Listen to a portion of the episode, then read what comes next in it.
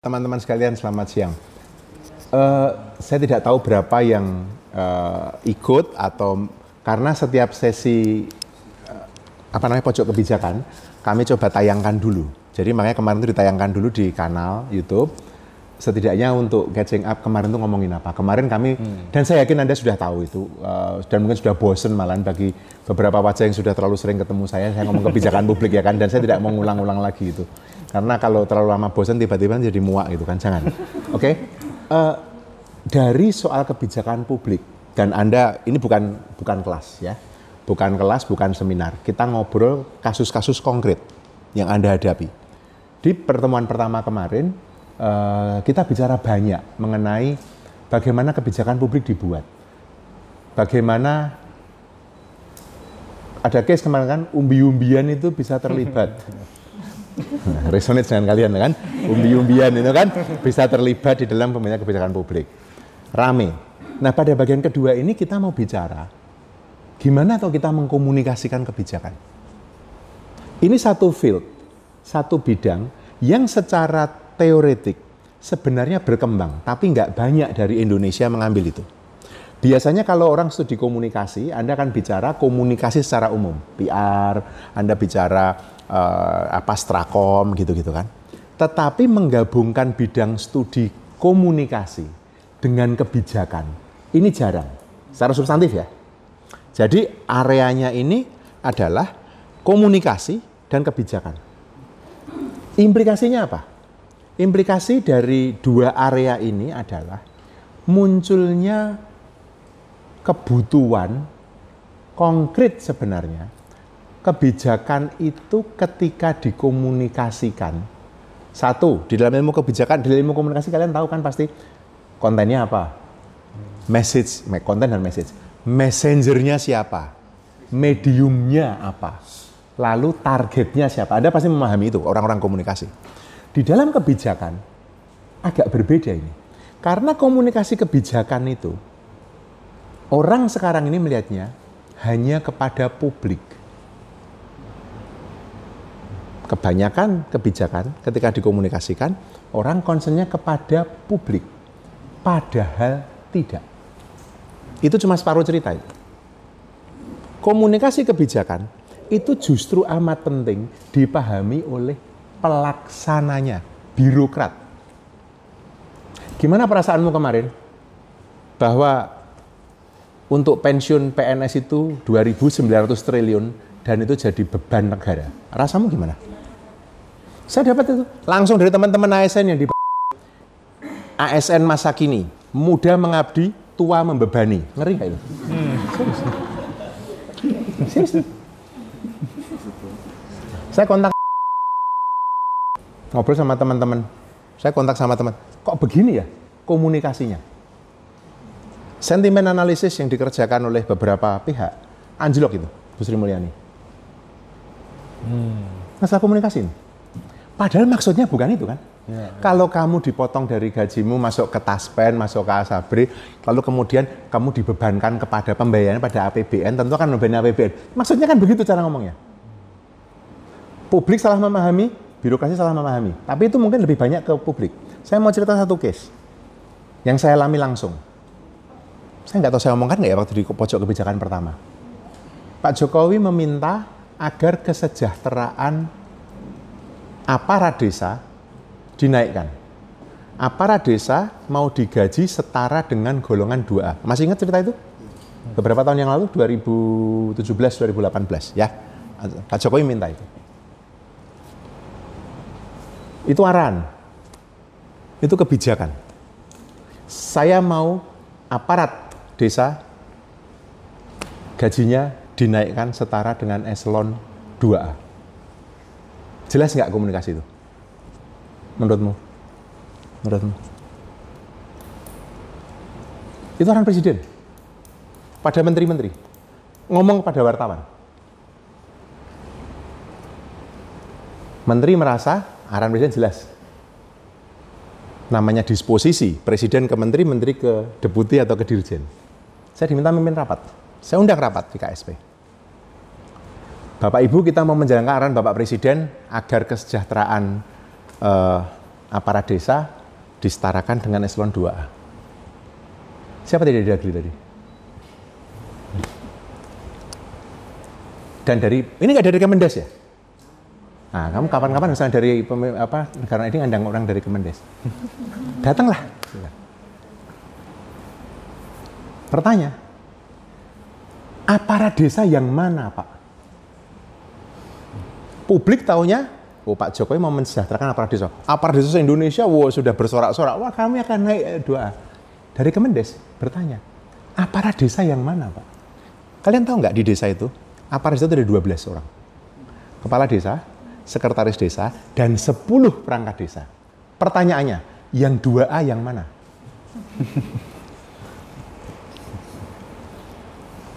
Jelas ya omongan presiden ya? Jelas nggak?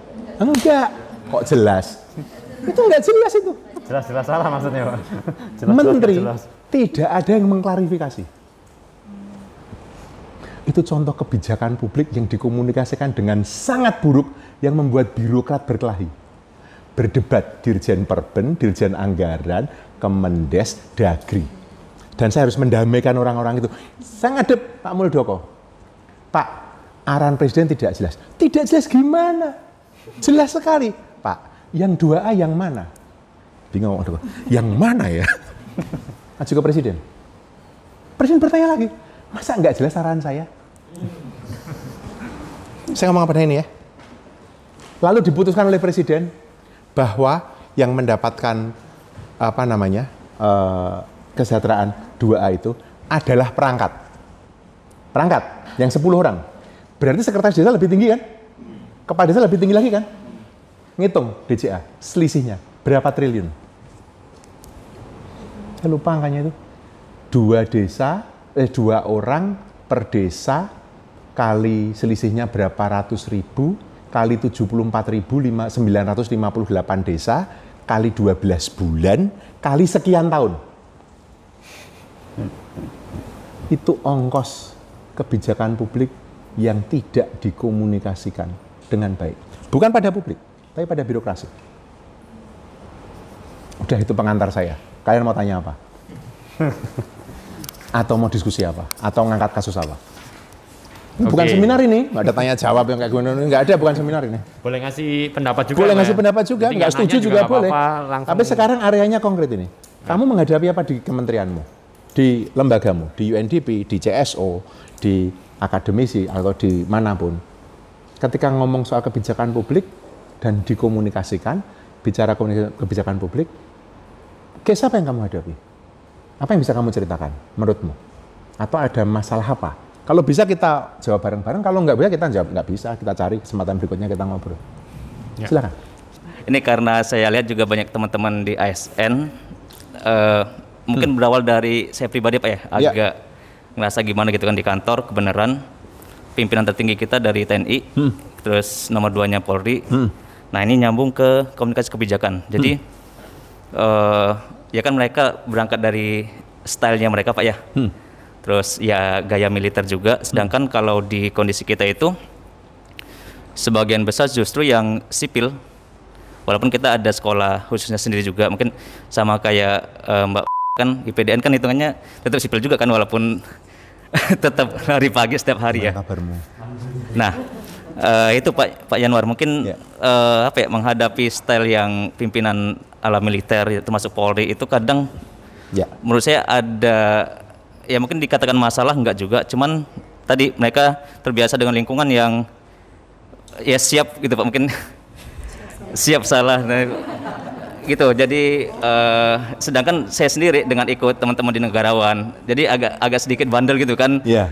itu pak mungkin eh, pola Komunikasinya seperti komunikasinya seperti apa gitu Pak. Terus ya kita yang sebagai pelaksana tadi seperti apa Pak untuk menjembataninya karena kayaknya nggak berani deh Pak kalau ngomong kayak Bapak tadi ke Pak Jokowi itu kan Pak ini mau nanya atau mengklarifikasi atau mengargumen nah itu kan perlu Iya. eh, se- apa seninya Pak ya itu Iya. aja mungkin Pak Yanwar terima kasih apa? Terima kasih. Ada nggak yang di area ini mengkomunikasikan pendapat atau kebijakan ke pimpinan atau ke apa ya eh, yang lebih superlatif gitu ya di atasnya hambatan-hambatan gitu dari kalian? Siapa yang mau ngomong?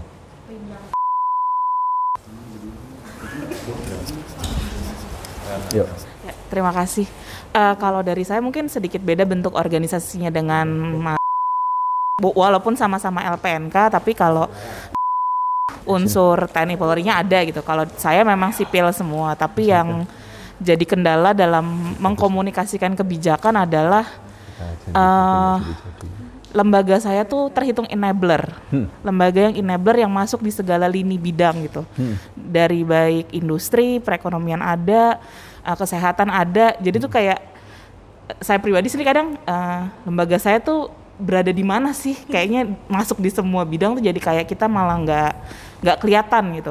Kemudian juga kebijakannya kita jadi kayak banyak di bukan dipengaruhi ya mungkin eh, akhirnya mohon izin nih Pak sebelumnya gitu kan. Nggak usah mohon izin ke mohon saya. izin saya juga. Nggak usah mohon izin ke saya. Kadang kementerian itu kan punya egosentrisnya masing-masing, betul. punya kepentingannya masing-masing. Nah, betul. lembaga saya ini karena dia enabler harus mengakomodasi kepentingan dari kementerian-kementerian yang berkaitan yang menjadi stakeholder kita dengan apa ya istilahnya itu kebijakan yang saling bertentangan pak. Ya. Jadinya kita tuh bingung nih harus ke mana ke mana sehingga kayak Betul. kemarin beberapa kali disentil sama Pak kait SNI.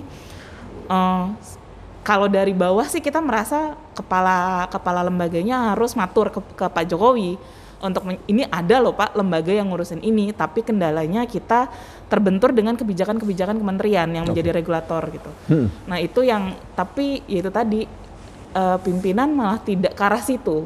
Dia malah eh, masuknya ke lembaga lain yang eh, levelnya bukan bukan di kebijakan justru pelaksana juga gitu. Jadi kadang bagaimana bisa tersampaikan gitu. Kalau tadi kan Bapak menjelaskan ini perlu diklarifikasi nih ketika tidak jelas atau ketika ada yang bertentangan Hmm, atau betul, bagaimana gitu. betul. Supaya semuanya sejalan sinergis gitu kan.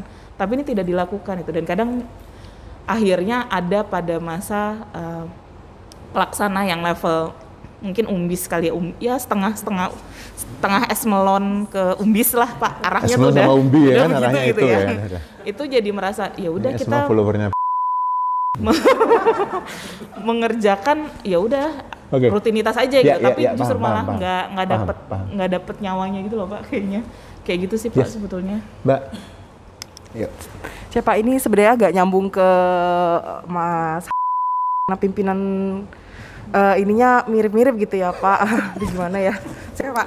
Eh, yang pertama Pak mungkin ka- karena satu kementerian saya termasuk kementerian yang cukup lama gitu ya Pak dari Indonesia berdiri langsung ada dia ya Pak. Jadi bawaan feodalnya agak kuat sekali gitu ya Pak. Eh, jadi kalau mau masuk kementerian saya pilih mikir-mikir dulu ya. Pojok kebijakan dua ini cuma pembukaanmu selesai. Feodal tit gitu ya mas. Oke, Eh, kita tuh kan pak sebagai mm, staff kita berusaha mengkomunikasikan misalnya kayak yang bapak sampaikan ada apakah itu kebijakan dari kementerian lain, let's say kementerian PAN misalnya ada yang harus Hmm. kita jalankan atau kementerian Bappenas atau kementerian Keuangan. Nah, yang tahu sebenarnya pelaksanaan kan kita ya pak Iya, di level betul. bawah Kalian gitu pak. tahu. Nah, kadang pimpinan itu tidak mau tahu misalnya saya maunya seperti ini dilaksanakan. Kita sampaikan eh, dengan diskusi rapat misalnya Pak. eh, Oke Pak kita diskusikan terus kita sampaikan di forum eh, itu tidak diterima. Kemudian kita sampaikan dalam bentuk telaan staff gitu ya Pak. Kita melalui jalur-jalur resmi yang bisa kita lakukan juga tidak bisa.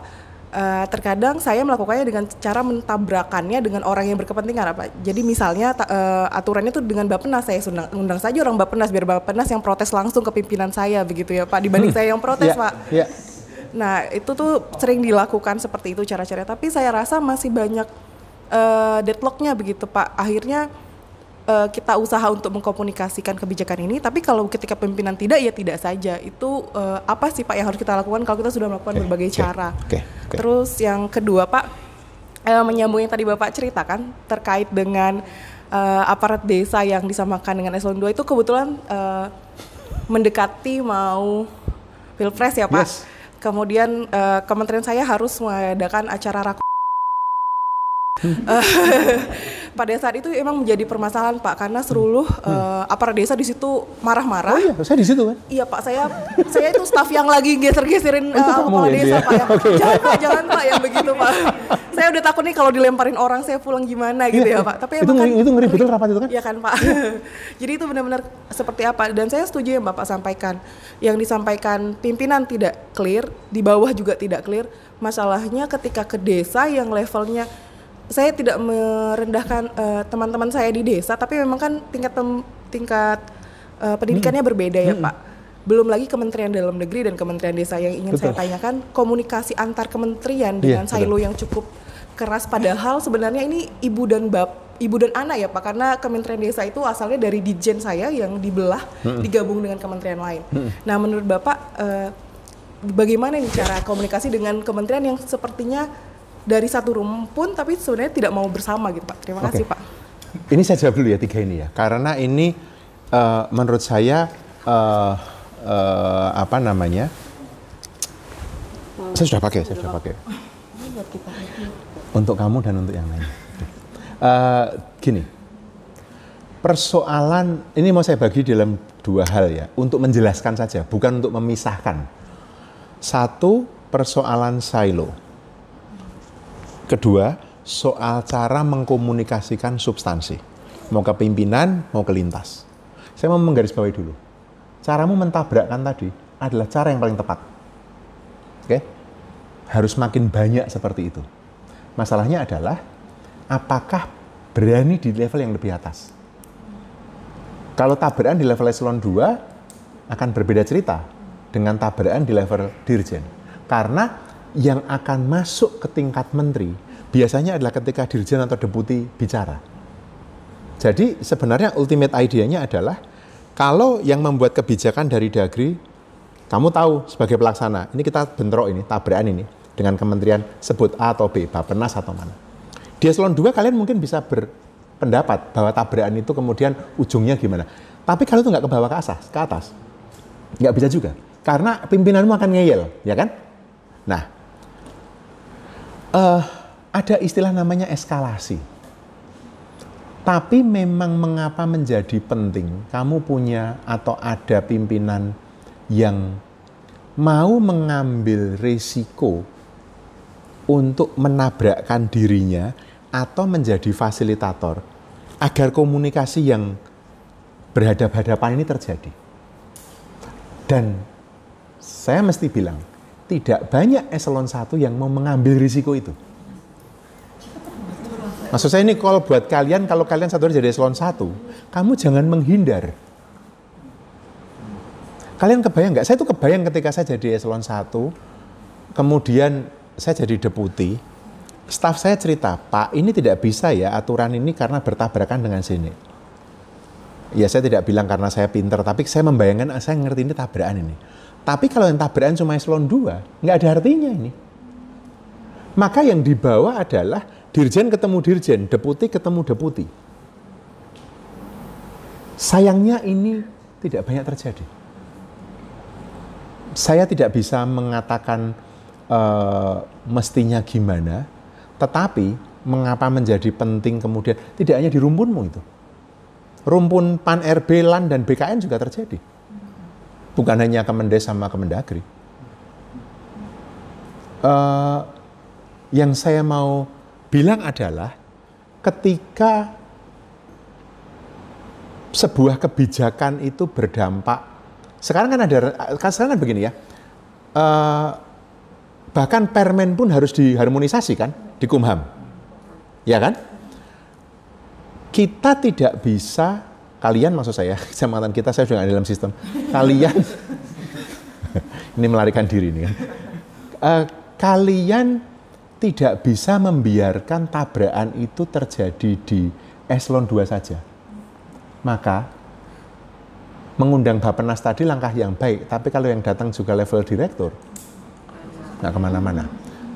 Bisa nggak kamu ngompori sampai ke level dirjen? Nggak usah sampai ke menteri, tapi ke level dirjen. Saya tahu itu berat, nggak gampang. Apalagi ketika kementeriannya atau lembaganya, L-nya adalah enabler. Enabler itu kan nggak dianggap ya? Serius, saya mau ngomong apa adanya. Ngomong apa deh? Negara ini begitu kan? Loh, saya ngomong apa deh? Udah nggak nggak usah nutup nutupi, nggak usah. Kar- kar- karena ya karena nggak usah nangis. gini gini gini. Kalau ada apa-apa disalahkan pertama. Tapi kalau berhasil, yang dapat kredit, Anda pernah mendengar dapat kredit? Udah saya tanya aja saya. Pernah kan muncul di halaman satu kompas gitu? Nggak ada. Nangis beneran kamu. gini ya saya mau bilang. Enggak, jangan membuat kalian juga, tentu saja gini, sakit hati boleh. Saya nggak ngelarang sakit hati. Wah, kalau saya kerja di kementerian atau di lembaga yang cuma kayak gini ya, boleh kalian sakit hati. Kalian kecewa, boleh. Tapi jangan lama-lama. Karena kalian punya pekerjaan, kalian punya harus bikin strategi sendiri bagaimana sebagai enabler ini wah, gimana kalimatnya? Bagaimana kalian sebagai enabler eh, tetap meaningful? Kalian tahu nggak SDG? Goal 1 sampai 17. Goal yang paling tidak pernah dianggap itu goal 16 sama 17. Dia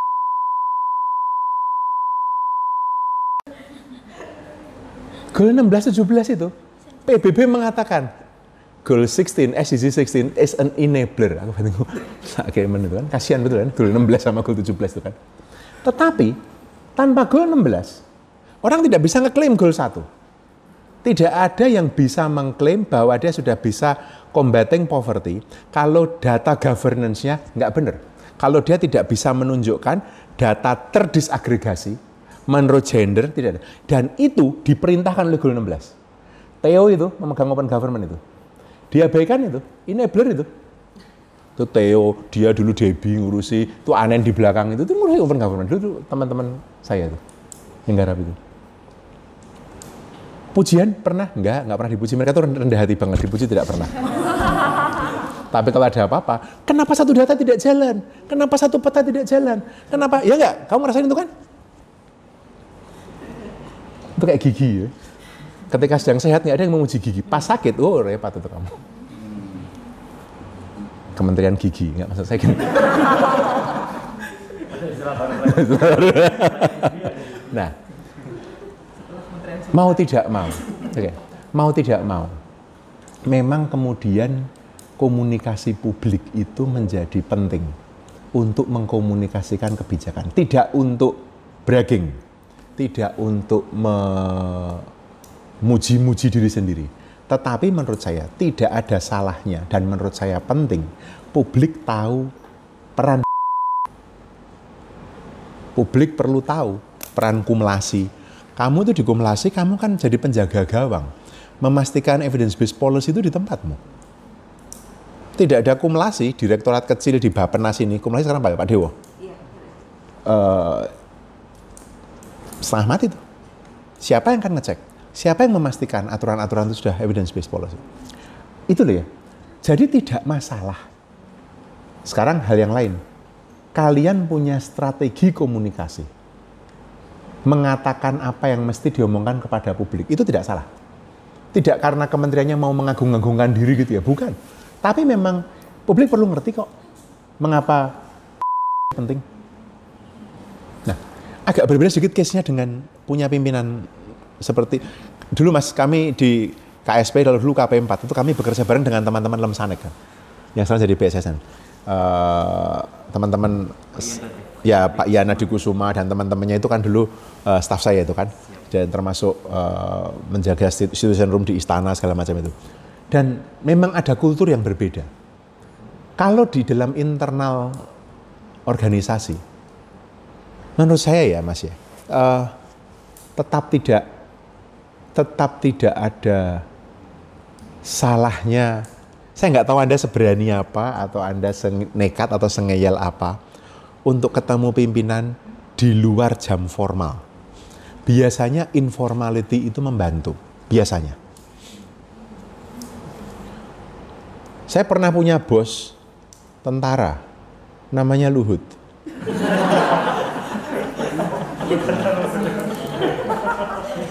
Sembilan bulan saya bekerja di bawah dia. Saya dengan Pak Luhut, Mas. Saya itu masuk ke KSP. Saya tidak pernah ketemu Pak Luhut. Anda percaya? Saya dijadikan deputi Hari pertama saya jadi deputi, itu hari pertama saya ketemu, ini Pak Luhut. Jadi ceritanya tanggal 31 Desember 2014, jam 1 siang, saya nonton di TV, Pak Luhut dilantik sebagai kepala staf kepresidenan memimpin unit kerja presiden namanya itu. Ti, belum, bukan KP 4 KP udah dibubarkan. Namanya unit kerja, unit staf presiden. Tanggal 31 Desember, itu hari Kamis. Jam 1 siang, saya nonton TV ya sudah, cuek. Jam 3 sore, Darmawan Prasojo, sekarang Direktur Utama PLN, teman lama saya, telepon. Mas Januar, diminta jadi deputinya Pak Luhut di unit staf presiden. Sampai mbok rasa guyon. Ya kan? Ngobrol-ngobrol tutup telepon. Enggak saya saya abaikan itu. 31 Desember jam 5 sore Pak Luhut telepon. Saya tidak pernah bicara sama orang itu kan, seumur hidup. Tapi di save nomor apa? Enggak, saya enggak tahu nomor siapa. Saya angkat kan, karena bukan suspected spam saya angkat. karena bukan saya angkat. Enggak apa-apa, ini kalau Pak Luhut nonton rekaman dia akan ketawa pasti. Dia telepon saya, Pak Luhut, Pak Luhut telepon saya jam 5 sore tadi satu. Selamat sore, Luhut di sini. Saya tanya, maaf Pak, Luhut siapa? saya nggak tahu dia. Saya nggak tahu dia. Luhut penjahitan di sini. Oh siapa? dia bilang, Pak Yanuar, hari Senin saya tunggu di Binagraha. Senin. Malam tahun baru saya rusak itu. tunggu di Binagraha kan. Hari Senin pertama setelah tahun baru, semua tiket habis kan. Dan saya misuh-misuh itu, saya terpaksa beli Garuda bisnis kelas dari Jogja ke Jakarta untuk ketemu Pak Luhut. Saya bawa ransel hitam saya itu, naik Garuda. Tiket pulangnya batik, gitu. Atau Citylink saya lupa pokoknya promo lagi ya kan, sore kan, udahlah. Saya terbang ke Jakarta. Sampai di Binagraha, orang-orang kok sudah berdiri semua kan. Silakan Pak Yanuar, Pak Yanuar. Ini ngapain orang-orang itu kan? Ya, masuk aja, udah duduk. Rapat lah. Ketemulah saya dengan Mas Darmawan, Prasojo, saya ketemu dengan Pak Andogo Wiradi, ketemu dengan Mas Eko itu kan. Benar Pak Luhut di situ, ceritakan. Kita mesti begini arahan presiden ini, ini, ini. Selesai, silakan para deputi meneruskan. Pak Luhut keluar. Berdiri dia, saya ikut berdiri. Tuh, Pak Yanuar silakan. Para deputi meneruskan. Saya ingatin dia itu. Pak saya boleh bicara. Saya ikuti dia, kantor dia. Pak, kita baru pertama ketemu. Kenapa saya jadikan deputi, Pak? Dan apa benar saya jadi deputi? Dia panggil Darmo, dimarahi Darmo. Mas Darmo, kan saya sudah bilang ke Pak Yanuar. Saya sudah bilang, Anda harus bilang Pak Yanuar untuk jadi deputi. Loh saya sudah bilang Pak. Jam 3 sore tadi itu, yang saya berikan dia telepon itu tadi. Yang hari Kamis kan saya udah nggak pikir. Saya kejar ke Jakarta bawa ransel, tidak bawa baju ganti. Hari itu saya jadi deputi. Dengan Pak Luhut itu. Lalu bilang, saya tanya, yang minta presiden? Saya nggak pernah ketemu dia loh, seumur hidup. Yang minta presiden. Kalau Mas Yoner tidak percaya, silahkan dicek ke presiden. Loh dia bluffing. Saya jawab bluffing. Baik Pak, saya ke istana loh. Waktu itu istana masih lebih mudah menurut Pak Jokowi. Saya kontak Mas Anggit. Mas sampai di kantor. Ya mas, saya datang ke Mas Anggit. Mas, apa benar Pak Presiden minta saya jadi deputinya Pak Luhut?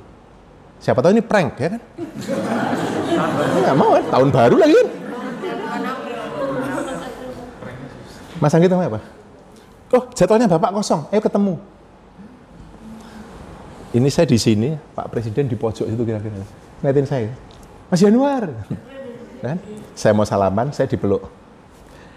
Tolong ya, dibantu Pak Luhut. Mati kan. Bener ya itu kan?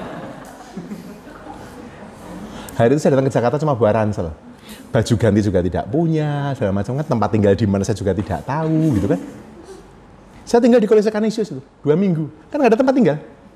Saya bilang pada teman saya, seorang pastor di Kolese Kanisius, Romo, saya ini dijadikan deputi. Wah selamat ya Yanuar. Nah, saya nggak punya tempat tinggal, Romo. Saya nginep di Kanisius dua minggu. Saya ke Sarinah, beli celana dalam, beli baju, segala macam. Saya telepon istri saya, tolong dikirimi satu koper baju. Kamu mau tinggal di mana? Belum tahu. Saya cerita ke Pak Luhut, dia militer ya, sama tadi. Informality. Sejak itu, saya tahu ini menghadapi orang di forum formal, orang itu selalu punya barrier. Ketika dia tahu ceritanya dan saya ngerti, oh ini relasi. Saya mau cerita tadi cerita saya adalah bahwa ada bentuk relasi, kamu ketemu pasti dengan pimpinanmu kan. Kamu pecahkan barrier formalnya. Kalau bisa informal, itu akan lebih baik. Lebih banyak informality yang membantu relasi dengan Pak Luhut selama 9 bulan. Ketika saya dapat izin untuk memimpin tim saya sendiri, membuat tim saya sendiri yang sekian puluh orang itu, saya rekrut sendiri. Saya bilang pada Pak Luhut, Pak, uh, terima kasih kepercayaan ini, saya akan jadi deputi Bapak. Saya minta izin Pak, saya merekrut staf saya sendiri saya tidak mau diberi staff. Saya memilih sendiri, saya akan mengambil anak-anak muda. Dan dia mengatakan silakan mas, silakan mas, silakan mas. Itu semua tidak di dalam rapat. Kalau saya di dalam rapat, beda. Ketika seseorang tidak bisa di-engage secara formal, karena ada barrier. Saya pernah nggak cerita ke kalian, atau satu di antara, pasti ada yang sudah pernah mendengar, cerita di belakang reforma agraria, di belakang sertifikat pertama itu. Pak Jokowi meminta agar sertifikat itu segera diberikan setidaknya setengah juta hektar. KLHK itu adalah yang melepas tanah. Betul? ATR BPN adalah yang melegalkan dan mengeluarkan sertifikat. Dua kementerian ini tidak pernah akur. Kalau saya undang dirjen dari KLHK, yang dirjen ATR BPN tidak datang. Kalau saya undang dirjen ATR BPN, dia datang kan udah punya staf duluan kan dia memberitahu dirjennya. Yang KLHK nggak datang. Gitu terus. Sementara Pak Jokowi nanya terus, kapan sertifikat saya ke kepala staf? Kepala staf menekan saya tentu saja, yang mengusir RA saya, reforma agraria. Entah gimana, kok ya saya punya ide, saya Pak saya waktu itu teks kemudian saya telepon. Pak Dirjen, bagaimana kalau kita makan pagi?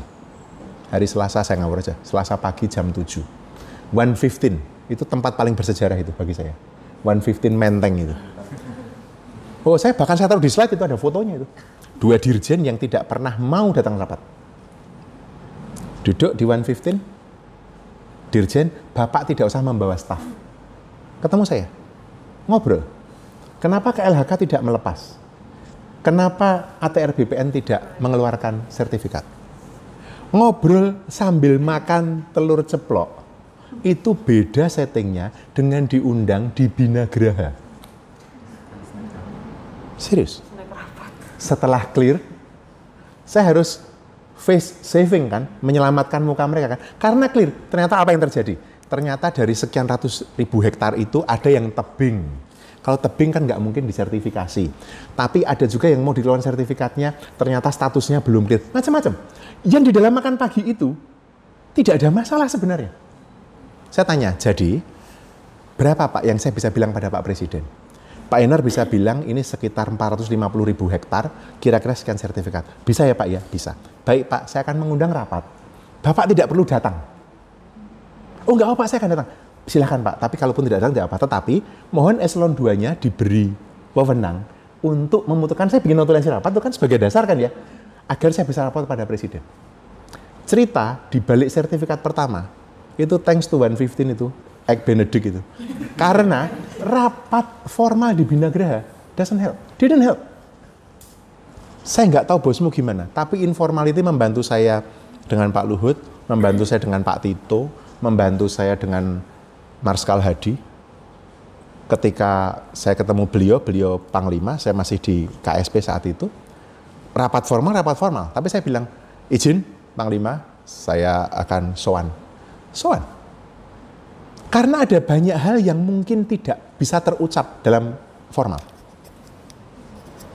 Saya nggak ngerti, kalian gimana uh, budaya teman-teman atau budaya Anda sekalian. Tetapi menurut saya itu bagian dari kemampuan komunikasi. Saya nggak tahu di negara mana itu ya. Kamu belajar pitching kan kadang-kadang kan? Tapi pitching itu untuk cari duit untuk bisnis itu kan. Atau kalau dari NGO mencari donor. Tapi saya ngomong apa adanya aja kan. Nah sekarang gunakan kemampuan pitching itu untuk membangun informality. Dengan direkturmu, dengan dirjenmu, dengan deputimu gitu. Memang itu awal agak tidak nyaman ya. Waktu pitching itu, saya pernah ngisi acara pitching di mana ya? Saya cerita, kesempatan pitching paling baik adalah kamu ketemu orang di lift atau di toilet? Di toilet sama-sama ngadep tembok gitu kan? itu kan? Nah, saya agak susah, ya, agak susah, saya. Ya, jangan, jangan, jangan. Atau di lift. Eh, kamu ketemu orang untuk ngomong secara informal. Eh, saya tahu itu kamu pasti keluar dari zona nyamanmu itu. Apalagi umbi-umbian yang biasa dilatih itu kan untuk selalu izin, mau izin. Wah itu kamu udah deg-degan banget suruh informal pasti kan. Tapi kalau tidak belajar, kalau kamu tidak latihan informality, eh, atau saya balik deh, latihanlah menjadi informal karena itu membantu. Dah itu. Jadi dibalik, bukan kalau kamu nggak latihan akan gimana nggak. Tapi sekarang gini, tambah skill, nggak tahu ya di, di teman-teman negara ID kan, ada tambahan ketemu orang yang bukan diajari public speaking, udah jago public speaking. Justru yang tidak public itu loh. Kalau yang public speaking udah jago-jago, biasa-biasa mewakili kan, deputi nggak bisa datang wakili direktur, direktur nggak bisa diwakili staff itu kan. Namanya kan disposisi. Dari kata to dispose, dibuang kamu kan disposisi itu apa? Yang namanya disposisi itu kamu dapat buangan. Kalau saya dapat disposisi itu, oh, saya bangga. Oh, ini nggak bangga, saya ini dari buangan ini. Bukan delegat kan? Nggak ada lembar delegasi, memangnya ada. Ada yang lembar disposisi. Artinya, menteri diundang, menteri nggak mau, dirjen. Dirjen nggak mau, direktur. Direktur nggak mau, kasubdit. Kasubdit nggak mau, bawahnya. Datanglah ke kalian. Yang umbi yang sibuk malam-malam. Mohon maaf ya mas, saya nggak bisa menjawab lebih jauh lagi. Tapi saya kira jawabannya barangkali uh, uh, percayalah bahwa mereka para pimpinan kita itu masih masih manusia yang kalau hal yang informal itu bisa dapat. Seringkali saya tidak mengatakan bekerja di luar skema atau koridor tidak. Tapi saya mengatakan informality itu sometimes helps. Informality itu membantu Anda untuk bermanuver ketika jalur-jalur formal sudah mentok. Sering sekali ketika jalur formal dalam rapat sudah mentok, selesai rapat kamu hadap, izin Pak, saya mau uh, bicara sebentar boleh Pak? Kalau kamu sudah biasa informal, akan mudah seperti itu. Mohon maaf Pak, sebenarnya tadi itu begini Pak, gini, gini, gini. Atau sebelum rapat, Pak nanti dalam rapat, nampaknya item ini akan jadi berat Pak, apakah bisa Bapak? Itu loh Mas. Next. Berapa tangan? Oh, mau nanggapi ya, Ci? Aku juga mau. Iya, siap. Kamu nanggapi. Ya mungkin tentang informality ini eh, yang kami pelajari di startup juga gitu Pak. ya. Makanya kenapa kalau di startup kan terkenalnya bin bag, pakai kaos gitu kan. Itu sebenarnya yang kalau kita pelajari itu karena startup itu kan butuh inovasi yang sangat cepat ya Pak. Dan butuh eh, pertumbuhan yang sangat cepat. gitu. Jadi akhirnya semua silo, semua batasan yang membuat inovasi berjalan lambat itu dibongkar. Gitu, Pak. Nah, salah satunya itu tadi informality benar gitu Pak. Jadi makanya kenapa eh, di di startup itu terkenalnya sangat egaliter, orang boleh pakai kaos karena formality itu menghambat eh, inovasi.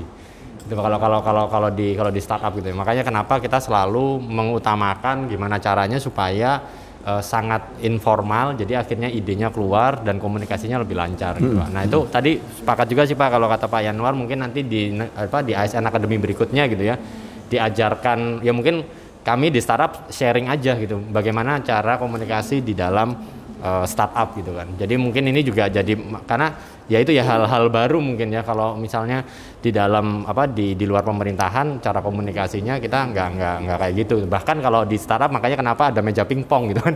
Terkenalnya kan kalau di di di di kantor startup itu pasti ada meja pingpongnya gitu. Nah, itu bukan bukan bukan tanpa alasan gitu kan. Jadi biar mereka itu ya meetingnya itu ngobrolnya sambil main pingpong sambil main dingdong gitu kan. Ada tempat ada tempat tidur gitu. Jadi emang emang kalau teman-teman ke kantornya Google kantor itu pasti ada ada ruang-ruang informality tadi itu gitu. Karena Oh, agak ngeri ya, agak ngeri. itu sih, Oke, jadi jadi yes, benar yes. pak. Jadi memang uh, akhirnya kalau kalau kita ke kantor-kantornya Gojek lah, kantor-kantornya itu mereka pasti punya spot-spot informality itu Betul, untuk mengeluarkan ide tadi gitu. Betul, betul, betul. Dan mungkin sedikit juga kalau di Disney itu bahkan katanya kan mereka itu punya tiga ruangan. Jadi ada ruang ide, ada ruang plan, ada ruang eh, kritik. Gitu. Jadi ketika mereka itu membuat ide baru, itu tuh di ruangan ide dan di ruangan ide itu nggak boleh satupun orang menanyakan eksekusinya gimana. Habis itu apalagi dikritik itu tuh karena kan di ruangan berbeda. Jadi di ruang ide itu benar-benar semuanya itu boleh ngide. Tikus bisa ngomong lah, bebek bisa ngomong lah gitu. Itu benar-benar semua eh, dihargai. Dan setelah di ruang ide selesai, baru masuk ke ruang planning. Di ruang planning itu baru dipikirin, oke tadi gimana caranya kita merealisasikan si tikus bisa ngomong gitu kan. Baru terakhir dikritik di ruang kritik dan itu di ruangan yang berbeda. Mereka benar-benar katanya benar-benar keluar dari ruangan itu masuk ke ruang kritik baru di ruang kritik itu dikritisi idenya gitu. Jadi akhirnya ide-ide gilanya itu nggak mati di awal gitu. Itu itu kalau kalau kalau di Yes. Disney gitu. Nah, jadi mungkin bisa tuh di dalam pemerintahan juga ya eh, kita yang apalagi yang kita anak-anak mudanya gitu ya. Kita bener-bener bagaimana caranya menghidupkan ide. Terus jangan sampai mati gitu sih. Tambahan dikit. Ada berapa tangan lagi? Saya mulai saya tahu. Satu, dua, tiga, empat, lima. Cuman sebelumnya mungkin ini kali ya, apa eh, teman-teman, aku mungkin bisa relate ke Pak Yanuar karena memang saya sendiri bukan eh, sipil ya eh, pimpinannya dan berbeda gitu liftnya sendiri aja berbeda apalagi toiletnya gitu Pak saya kan cewek Pak maksudnya gitu toiletnya sama ya kan tapi kalau misalkan eh, sedikit saja yang saya pelajari kalau saya biasanya mendekatinya ke eselon satunya gitu Pak ketika kita tidak bisa ke atas ya udah eh, Eselon satu lah ya. eselon satu. Kebetulan eselon satu di kantor emang suka main badminton dan sebagainya. Jadi ya, di situlah tempatnya yang kita bisa uh, ngobrol bareng gitu. Mungkin teman-teman ada uh, momen-momen itu. Jadi kita mungkin Umbi bisa sedikit lah pak ya uh, ngobrol sama yang lebih tinggi di yang informal tadi dan itu bener banget itu helps. Satu dua tiga empat lima enam banyak banget nih. Tuh dua tiga empat lima biar, biar ngomong semua. Gak apa-apa dulu ya. Ya, biar ngomong Tuh dua tiga empat lima enam. Waktunya satu menit dari sekarang, Hes. Aduh kamu. Yuk. Eh, izin Pak, Eh, mungkin kalau dari saya tidak terlalu banyak mengenai praktik di pekerjaan takut berhadapan bapak kenal Kamu semua. kerja sama saya. Jadi mungkin lebih umum. Eh, kalau dari saya pertanyaan bagaimana menghadapi sentimen baik itu dari eh, stakeholders lainnya dan rekan-rekan apa namanya di luar lingkup kita karena mungkin eh, kalau soal pim untuk urusan pimpinan tadi sudah banyak kita bahas cuman terberkaitan dengan sentimen ini yang mungkin berasal dari luar yang kita sulit untuk mengelolanya supaya informasi kita, kepentingan kita dan juga apa yang menjadi tujuan komunikasi kita ini dapat tersampaikan ke stakeholders yang kita komunikasikan. Mungkin singkat seperti itu aja. Terima kasih. Silakan Eh, berikutnya. iya, selamat siang teman-teman semuanya. Izin Pak Yanuar. Eh, untuk yang tadi komunikasi informal gitu ya, non formal itu saya benar-benar merasakan dampak dan manfaatnya gitu Pak ya. Karena karena mungkin kemampuan saya untuk berkomunikasi secara non formal gitu, saya beberapa beberapa kali sama pimpinan tuh diajukan untuk mutasi ke sini, mutasi ke situ gitu. Oh iya? Bahkan pada saat saya CPNS tuh yang bikin jadi sumber ke ke irian teman-teman tuh pada saat CPNS itu ya kan lazim ya anak CPNS diajak DL keluar kota gitu ya karena kemampuan komunikasi non formal saya saya diajak ke Bali pertama kali jadi kayak setelah itu jadi teman-teman saya tuh jadi iri gitu saat itu se- semuanya jadi kayak akhirnya semakin terbuka pak kayak akhirnya diajukan mutasi ke sini gitu diajak ke sini dan sebagainya jadi bener kalau komunikasi non formal itu jadi salah satu cara untuk kita menyampaikan aspirasi menyampaikan unek-unek ke pimpinan gitu ya. Nah Pak berkaitan dengan komunikasi mungkin ini yang menjadi pertanyaan saya juga gitu Pak ya. Eh, menurut Pak Yanuar resi kan ini Pak ya pemerintah itu kan sekarang ini kan lagi diuji banget gitu Pak ya Lagi apa? lagi diuji gitu Pak Oke. dengan berbagai permasalahan gitu Ya. ya. Nah saya melihatnya tuh kenapa kok pemerintah tuh sulit banget untuk bilang minta maaf gitu Pak. Misalnya kayak Ya, oh ya ini bener bisa kayak waktu itu yang di hack dia BSSN gitu Mas yang itu kenapa kok gak ya udah akui kalau saya salah gitu ya kami salah mohon maaf gitu gitu gitu Betul. itu kenapa kok kayak resisten untuk mengatakan itu gitu padahal kan sebenarnya eh, rakyat itu ya butuh pengakuan gitu Pak ya Betul. masa kita terus yang di dia harus mengakui salah sedangkan pemerintah enggak gitu Pak jadi bahkan ya misalnya di di pengembangan aplikasi untuk antrian online gitu ya Pak ya. Jadi beberapa kali tuh aplikasi down gitu, tapi pimpinan tuh kayak gak ada yang berani gitu Pak untuk Minta maaf. Iya minta maaf secara terbuka kepada masyarakat. Karena beberapa kali kami disorot soal antrian yang bahkan katanya sampai jam 2 subuh udah di depan kantor gitu. Tapi mereka tidak ada yang mau muncul gitu. Dan ketika ada satu muncul Pak salah satu PIMT itu kayak akhirnya menjadi atensi sekjen gitu Pak. Kayak ini kok bisa memunculkan berita negatif gitu padahal menurut saya itu bagus kan klarifikasi Iya, iya, betul, gitu betul, Pak ya. betul, betul, betul. Nah mungkin Pak Yanur juga ap- apakah ada pandangan Pak soal itu lalu yang yang kedua soal pertanyaan juga nih Pak eh, soal narsisme pimpinan kita Pak ya Iya. jadi kayak oke banget Pak ya menyampaikan kebijakan misalnya soal ASN berakhlak yang baru ya core value kita gitu Pak ya. Tapi kenapa kok harus ada foto pimpinan mengapal jari di situ? gitu? Saya kan yang mau membaca dengan saksama men- men- mendalami nilainya kayak ngapain gitu Pak kan ya. Hah? Jadi kayak terdistraksi gitu gak, gak bisa fokus gitu kan Pak ya. Kayak gitu Pak. Jadi kayak Dia sudah Iya. menyuarakan keprihatinan kalian. Iya, jadi ya mungkin kalau mungkin Pak Yanur nanti ketemu sama pimpinan-pimpinan di Kemenpan RW sampaikan gitu loh Pak aspirasi dari kaum bawah ini gitu Pak ya. Karena bener itu Pak salah satu hal yang paling menjengkelkan bahkan saya kan juga izin bantu di di Humas juga gitu Pak ya. Jadi saya mengebatin setiap buat postingan kebijakan nih kenapa kok harus ada foto dia gitu Pak kayak gitu. Mungkin eh, ini Pak pertanyaan dua dari saya dulu nanti Oke. kalau ada kesempatan. Very good. Eh, saya mau nanya ke Pak Yanwar dan teman-teman. Eh, Dikbud dari tahun 2020 Teman-teman itu ya, kan, katanya.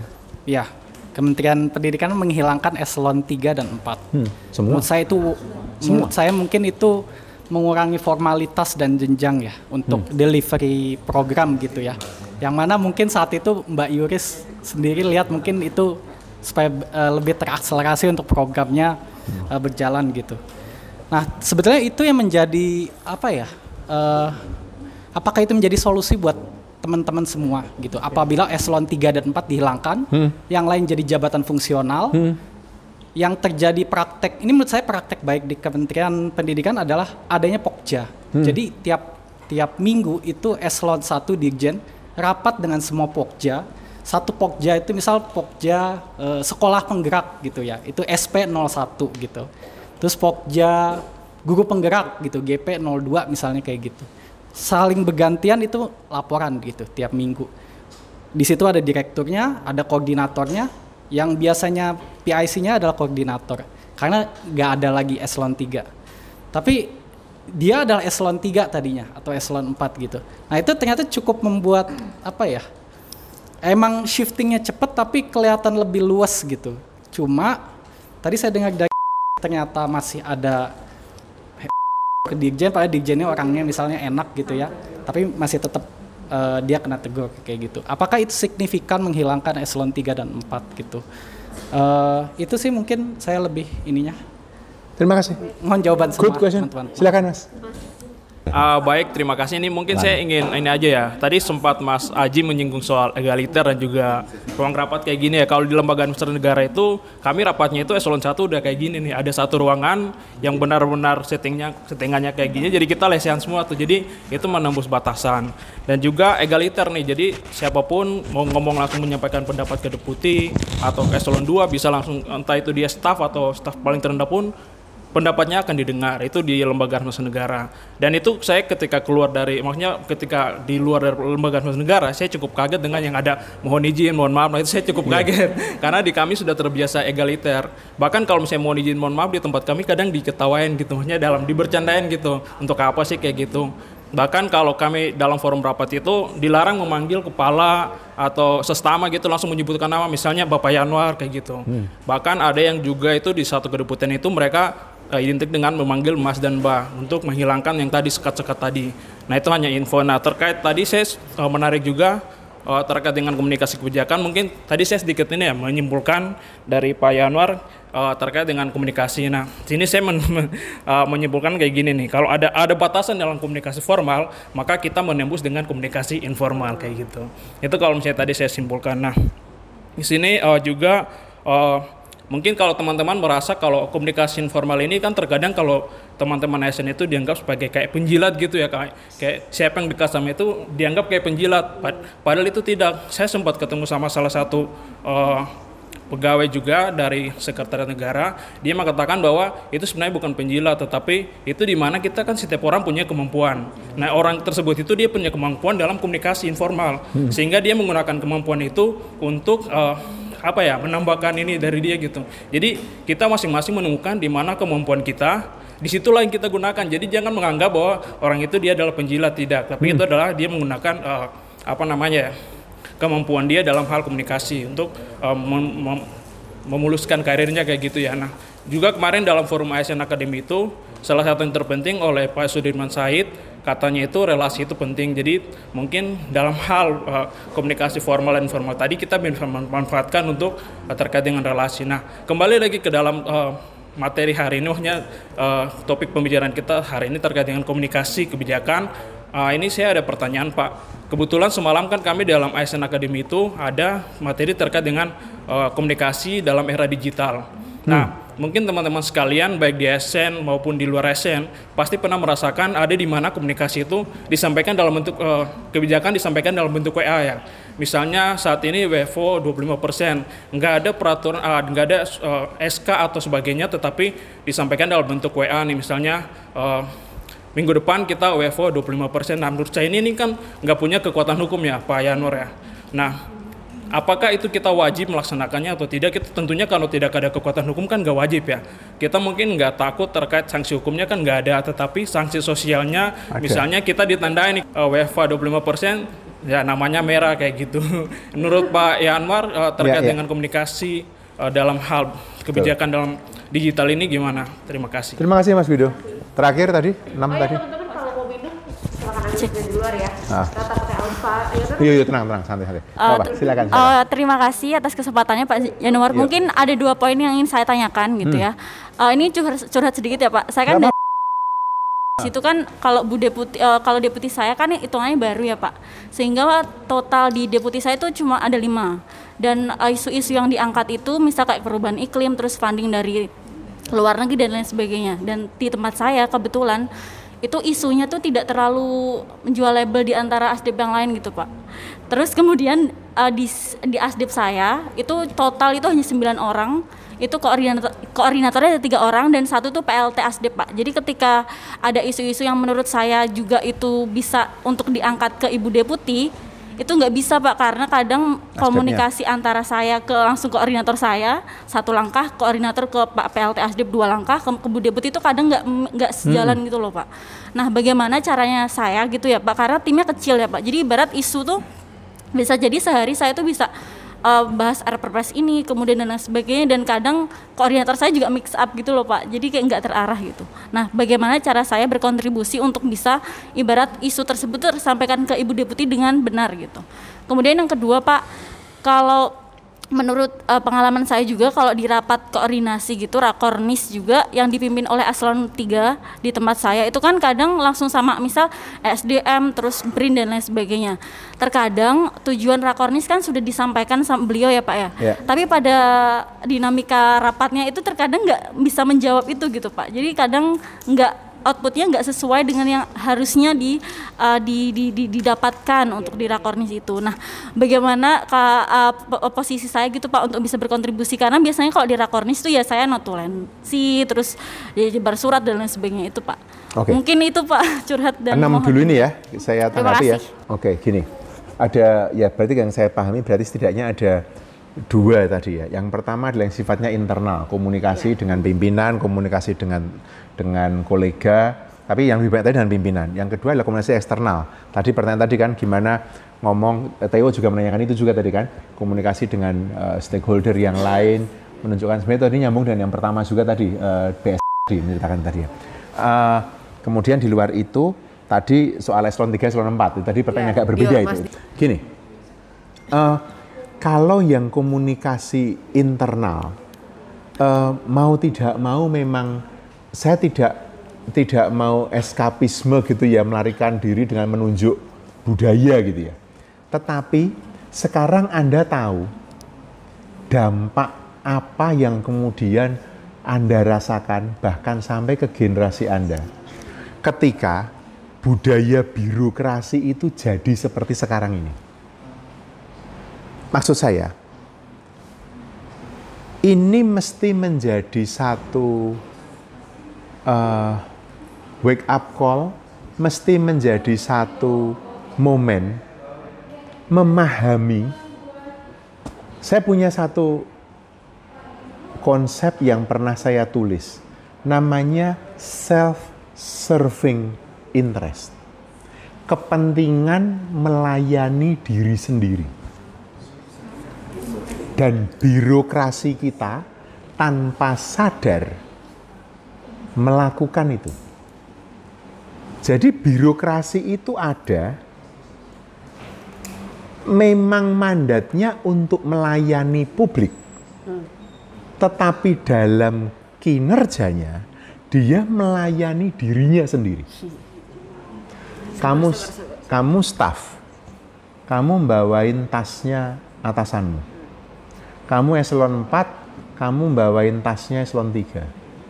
Kamu eselon 3 bawain tasnya eselon 2. Kamu eselon 2 bawain tasnya eselon 1. Kamu jadi eselon 1, kamu melayani kepentingan menteri.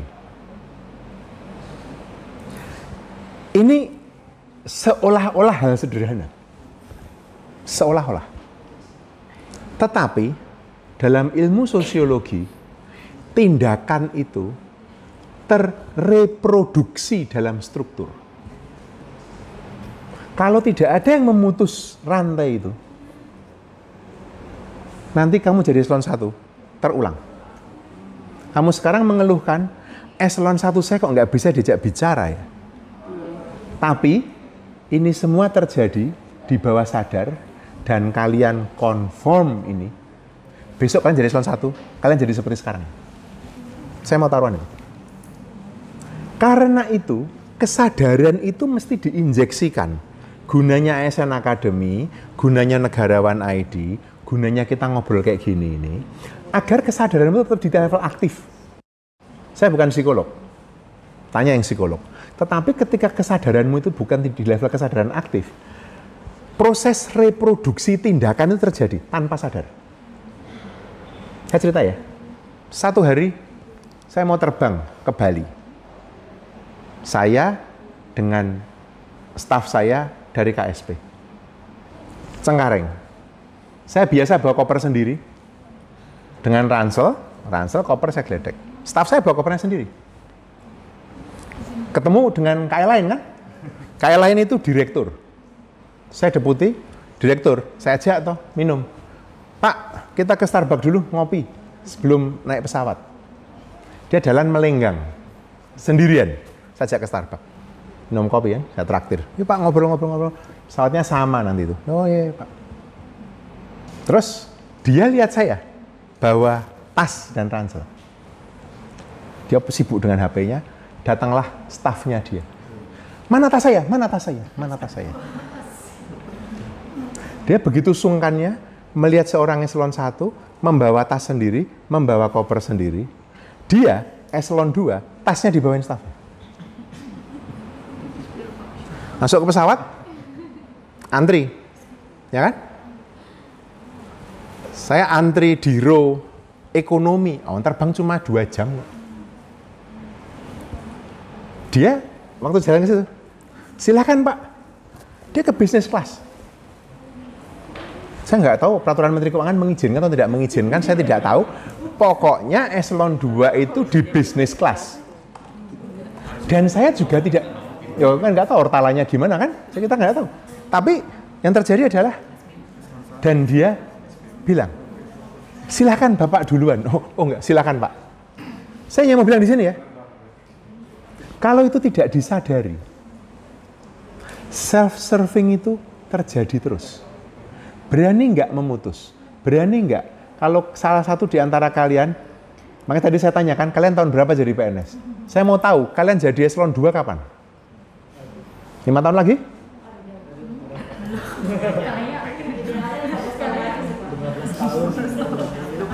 Ntar adalah perubahan. Tahun depan kita jadi eselon 2 guys. kita tunggu Menteri Paner di ya? Di KN. Di KN, oke? Okay? Di KN, oke? Okay? Gini ya, karena yang dikerjakan, yang kalian kerjakan di negarawan ID ini, memang ini investasi untuk ke depan. Yang tidak boleh hilang adalah peer kalian ini. Sebagai kelompok ini, peer group ini nggak boleh hilang. Karena tidak ada jawaban lain untuk memutus cara berkomunikasi di dalam tadi. Kecuali memperbanyak critical mass.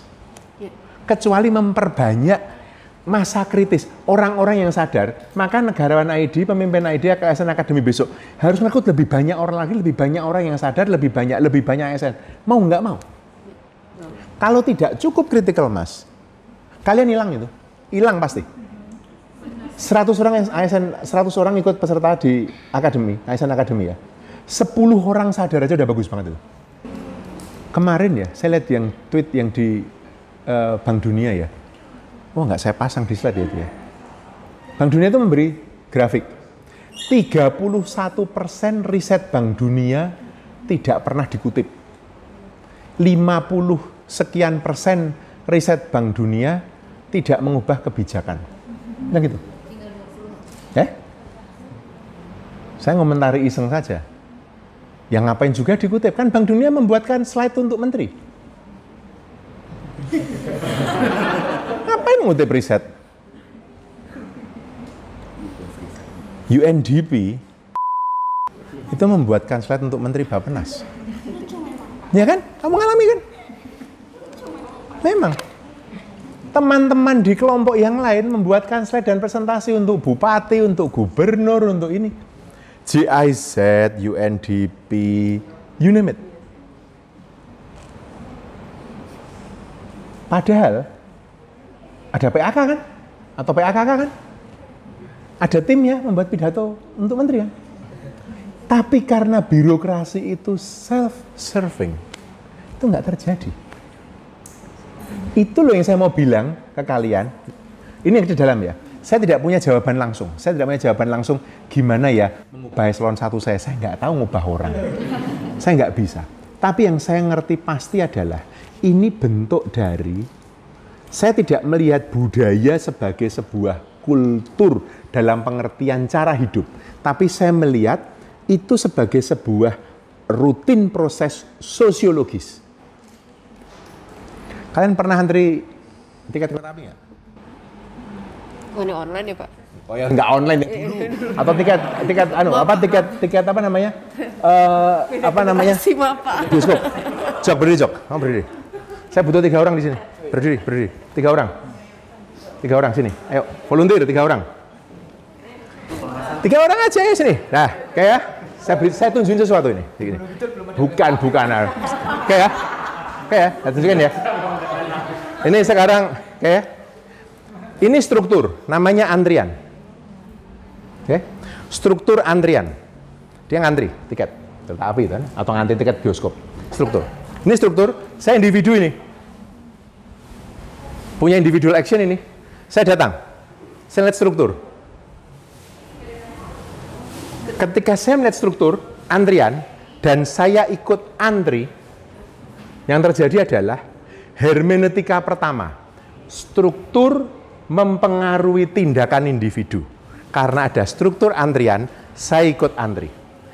Detik di mana saya antri, terjadi hermeneutika kedua. Tindakan individu memperkuat struktur. Saya ulangi. Ini kursus sosiologi dalam dua menit. ya? Crash course. Struktur, ini relasi antara struktur dan tindakan individu. Struktur mempengaruhi tindakan individu. Ketika saya ikut antri, tindakan saya memperkuat struktur. Ini antri ya, korupsi, korupsi, korupsi. Saya masuk. Yang ini anti korupsi. Okay? Ketika dia, saya, orang baru, umbi-umbian, pejabat saya, ini korupsi, ini korupsi, ini korupsi. Saya masuk. Anda mau bilang apa? Korupsi itu urusan akhlak. No. Itu nggak ada urusan dengan akhlak itu. Itu struktur kata, kalau aku nggak korupsi, saya nggak dapat apa-apa. Saya korupsi. Begitu masuk korupsi, struk saya, tindakan saya, memperkuat struktur korupsi. Gak jauh-jauh. Kamu ditilang, kamu nyuap polisi. Kamu ditilang, kamu nyuap polisi. Kamu ditilang, kamu nyuap polisi. Kalau saya ditilang, saya mau ngapain? Nyuap polisi lah. Eselon 1 dibawain tasnya. Jadi eselon 1 dibawain tasnya. Eselon 1 dibawain tas. Kamu jadi eselon 1, kamu ngapain? Minta dibawain tas. Kalau kamu tidak merubah ini, jadi ketika ada struktur, kamu membuat struktur baru. Dalam sosiologi namanya ini derutinisasi. Kamu harus berani melakukan derutinisasi. Tapi kalau cuma satu orang, kamu dimarahi kan? Wah kamu sok jago, kamu kamu sok gitu kan? Maka kalian butuh masa kritis. Banyak orang lagi yang ngantri di sini. Sehingga dia tidak relevan, ngerti nggak? Buku yang menjelaskan ini tebal sekali, judulnya Teori Strukturasi Anthony Giddens 400 halaman. Saya ringkas baru saja itu. Kita duduk, duduk, duduk, duduk. duduk. Oke, Luar biasa. Beruntung kita ada di sini berarti ya ada Pak Enwar ya. Alhamdulillah tepuk tangan lagi dong. kalian itu. Eh, nah, itu yang internal tadi. Sekarang yang eksternal. Eksternal. Eh, komunikasi eksternal itu lebih delicate sebenarnya dibandingkan dengan internal. Karena ada persoalan image. Kamu harus kamu punya gambaran kan tentang lembagamu. Kamu punya yang kamu mau maintain. Ujungnya tadi soal minta maaf, ujungnya nanti. Ketika kamu punya gambaran tentang lembaga yang mau di yang mau di apa namanya? dijaga dan kamu harus punya rasa bangga toh pada lembaga. Komunikasi eksternal itu menurut saya mestinya base-nya substansi. Mestinya base-nya substansi. Bukan apa ya? Jargon, bukan slogan. Lebih baik memberi informasi, lebih baik memberi solusi kalau ada, ketimbang kalau saya mengatakan me- menjaga citra itu mungkin keliru ya, karena memang perlu menjaga citra. Tetapi masalahnya kan adalah sering kali banyak hal dikorbankan untuk menjaga citra. Kemudian kamu tidak bicara substansi. Saya belum sampai ke soal minta maaf ya, tapi saya mau bilang tadi mungkin menjawab yang bagian pertama dulu, Mas. Yang soal tangan terkepal tadi misalnya gitu kan. Memang akan ada titik di mana wajah lembaga itu mesti kelihatan. Branding ya. Tetapi branding yang lebih sustain adalah branding yang menurut saya bersentuhan dengan substansinya. Hari Kamis malam kemarin, saya diundang oleh Kemenlu bicara di judulnya Government Social Media Summit. Kamis kemarin. Government Social Media Summit yang datang adalah kantor-kantor pemerintahan plus KBRI, eh bukan kedutaan-kedutaan luar, perusahaan-perusahaan luar, saya nggak tahu siapa aja yang datang, banyak banget yang datang pokoknya waktu itu. Eh, GSMS, GSMS itu, Government Social Media Summit hari Kamis malam. Eh, judulnya adalah Latest Research on Government Social Media and Digital Diplomacy. Ngomong mengenai sosial media pemerintah itu seperti apa? Hari Kamis malam. Saya punya kejadian Kamis pagi dini hari ketika mendarat. Saya tweet. Saya bilang, saya naik Thai Lion Airways, uh, Airlines dari Thailand mendarat di Cengkareng. Saya mendarat di Cengkareng jam 3.41, sampai sejam, belt itu belum gerak. Saya tweet. Mendarat jam 3.41 sampai jam sekian, belt tidak bergerak. Dijawab oleh Angkasa Pura. Mohon maaf kak, dia tahu saya pramuka, saya tahu saya pramuka, jadi dia manggil saya kak, itu kan.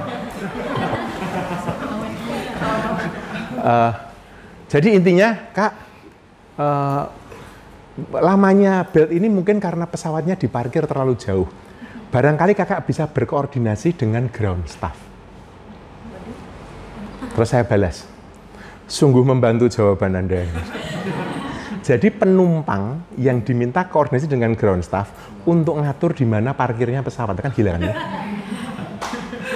Tapi itulah wajah komunikasi publik di negeri ini. Itu bukan hanya BUMN, Angkasa Pura. Banyak kementerian begitu yang sekarang ini sedang coba diperbaiki. Saya melihat ada perbaikan. Beberapa KL mencoba benar-benar menjawab ketika ada komplain, berapa KL mencoba memberi solusi, bukan hanya menjelaskan gitu kan. Beberapa KL memang masih keras kepala. Nah, yang ngomong satu arah pokoknya dia nggak pernah salah gitu kan. Seperti seperti yang kamu bilang tadi itu kan. Menurut saya itu akan butuh waktu. Menurut saya itu butuh reform. Menurut saya memang butuh orang-orang yang mengerti uh, komunikasi publik untuk masuk ke pemerintahan. Dulu kami pernah mencoba di awal periode pertama Pak Jokowi mengumpulkan semua humas KL. Saya nggak tahu anda ada yang tahu atau tidak ingat atau tidak. Tahun 2015 awal humas semua KL itu dikumpulkan, dikoordinasikan oleh staf khusus presiden bidang komunikasi publik dan deputi 4 KSP. Deputi 4 itu deputi bidang uh, komunikasi uh, politik. Agar PR pemerintah, public relation pemerintah itu baik. Dan public relation itu bukan memaintain citra, tetapi memberikan uh, apa? platform bagaimana masyarakat itu, warga negara itu berinteraksi. Nah, ketika kalian bekerja di lembaga atau di tempat yang sifatnya entah PMO, entah LNS, Seknas OJ, Seknas 1 Data, eh, KSP, sekarang kalau KPK kan sudah bagian dari pemerintah ya kan, jadi berbeda kamu sekarang. Terus eh, mana lagi itu? Eh, dulunya kan LNS kan, itu eh, tuntutan untuk substansif lebih gede kan. Dan menurut saya itu itu hal baik. Memang kita mestinya bergerak ke yang lebih substantif. Nah, saya balik lagi ke cerita awal saya tadi bahwa bidang ini sebenarnya bidang yang sangat berkembang di luar sana. Tapi Indonesia ini kan sering ketinggalan. Kalau anak Anda anak komunikasi, anak Vkom, belajarnya komunikasi saja kalau anak-anak kebijakan publik belajarnya ya public policy saja. Ini field baru yang sangat menjanjikan. Kalau kalian mau S2, kalian mau ngambil S3 di bidang komunikasi kebijakan, itu avenue-nya luas banget. Karena kalian akan belajar mengkomunikasikan kebijakan kepada publik agar publik punya pendapat yang atau punya pandangan yang benar tentang satu hal. Ketika COVID, COVID itu memberi pelajaran yang sangat berharga tentang buruknya komunikasi publik. Dilarang mudik, dua hari kemudian boleh pulang kampung. Oh, gue enggak. Presiden Jokowi mengatakan, ini COVID, jangan bepergian. Tiga hari kemudian Wapres, Ma'ruf Amin. Ayo, kita wisata ke Raja Ampat.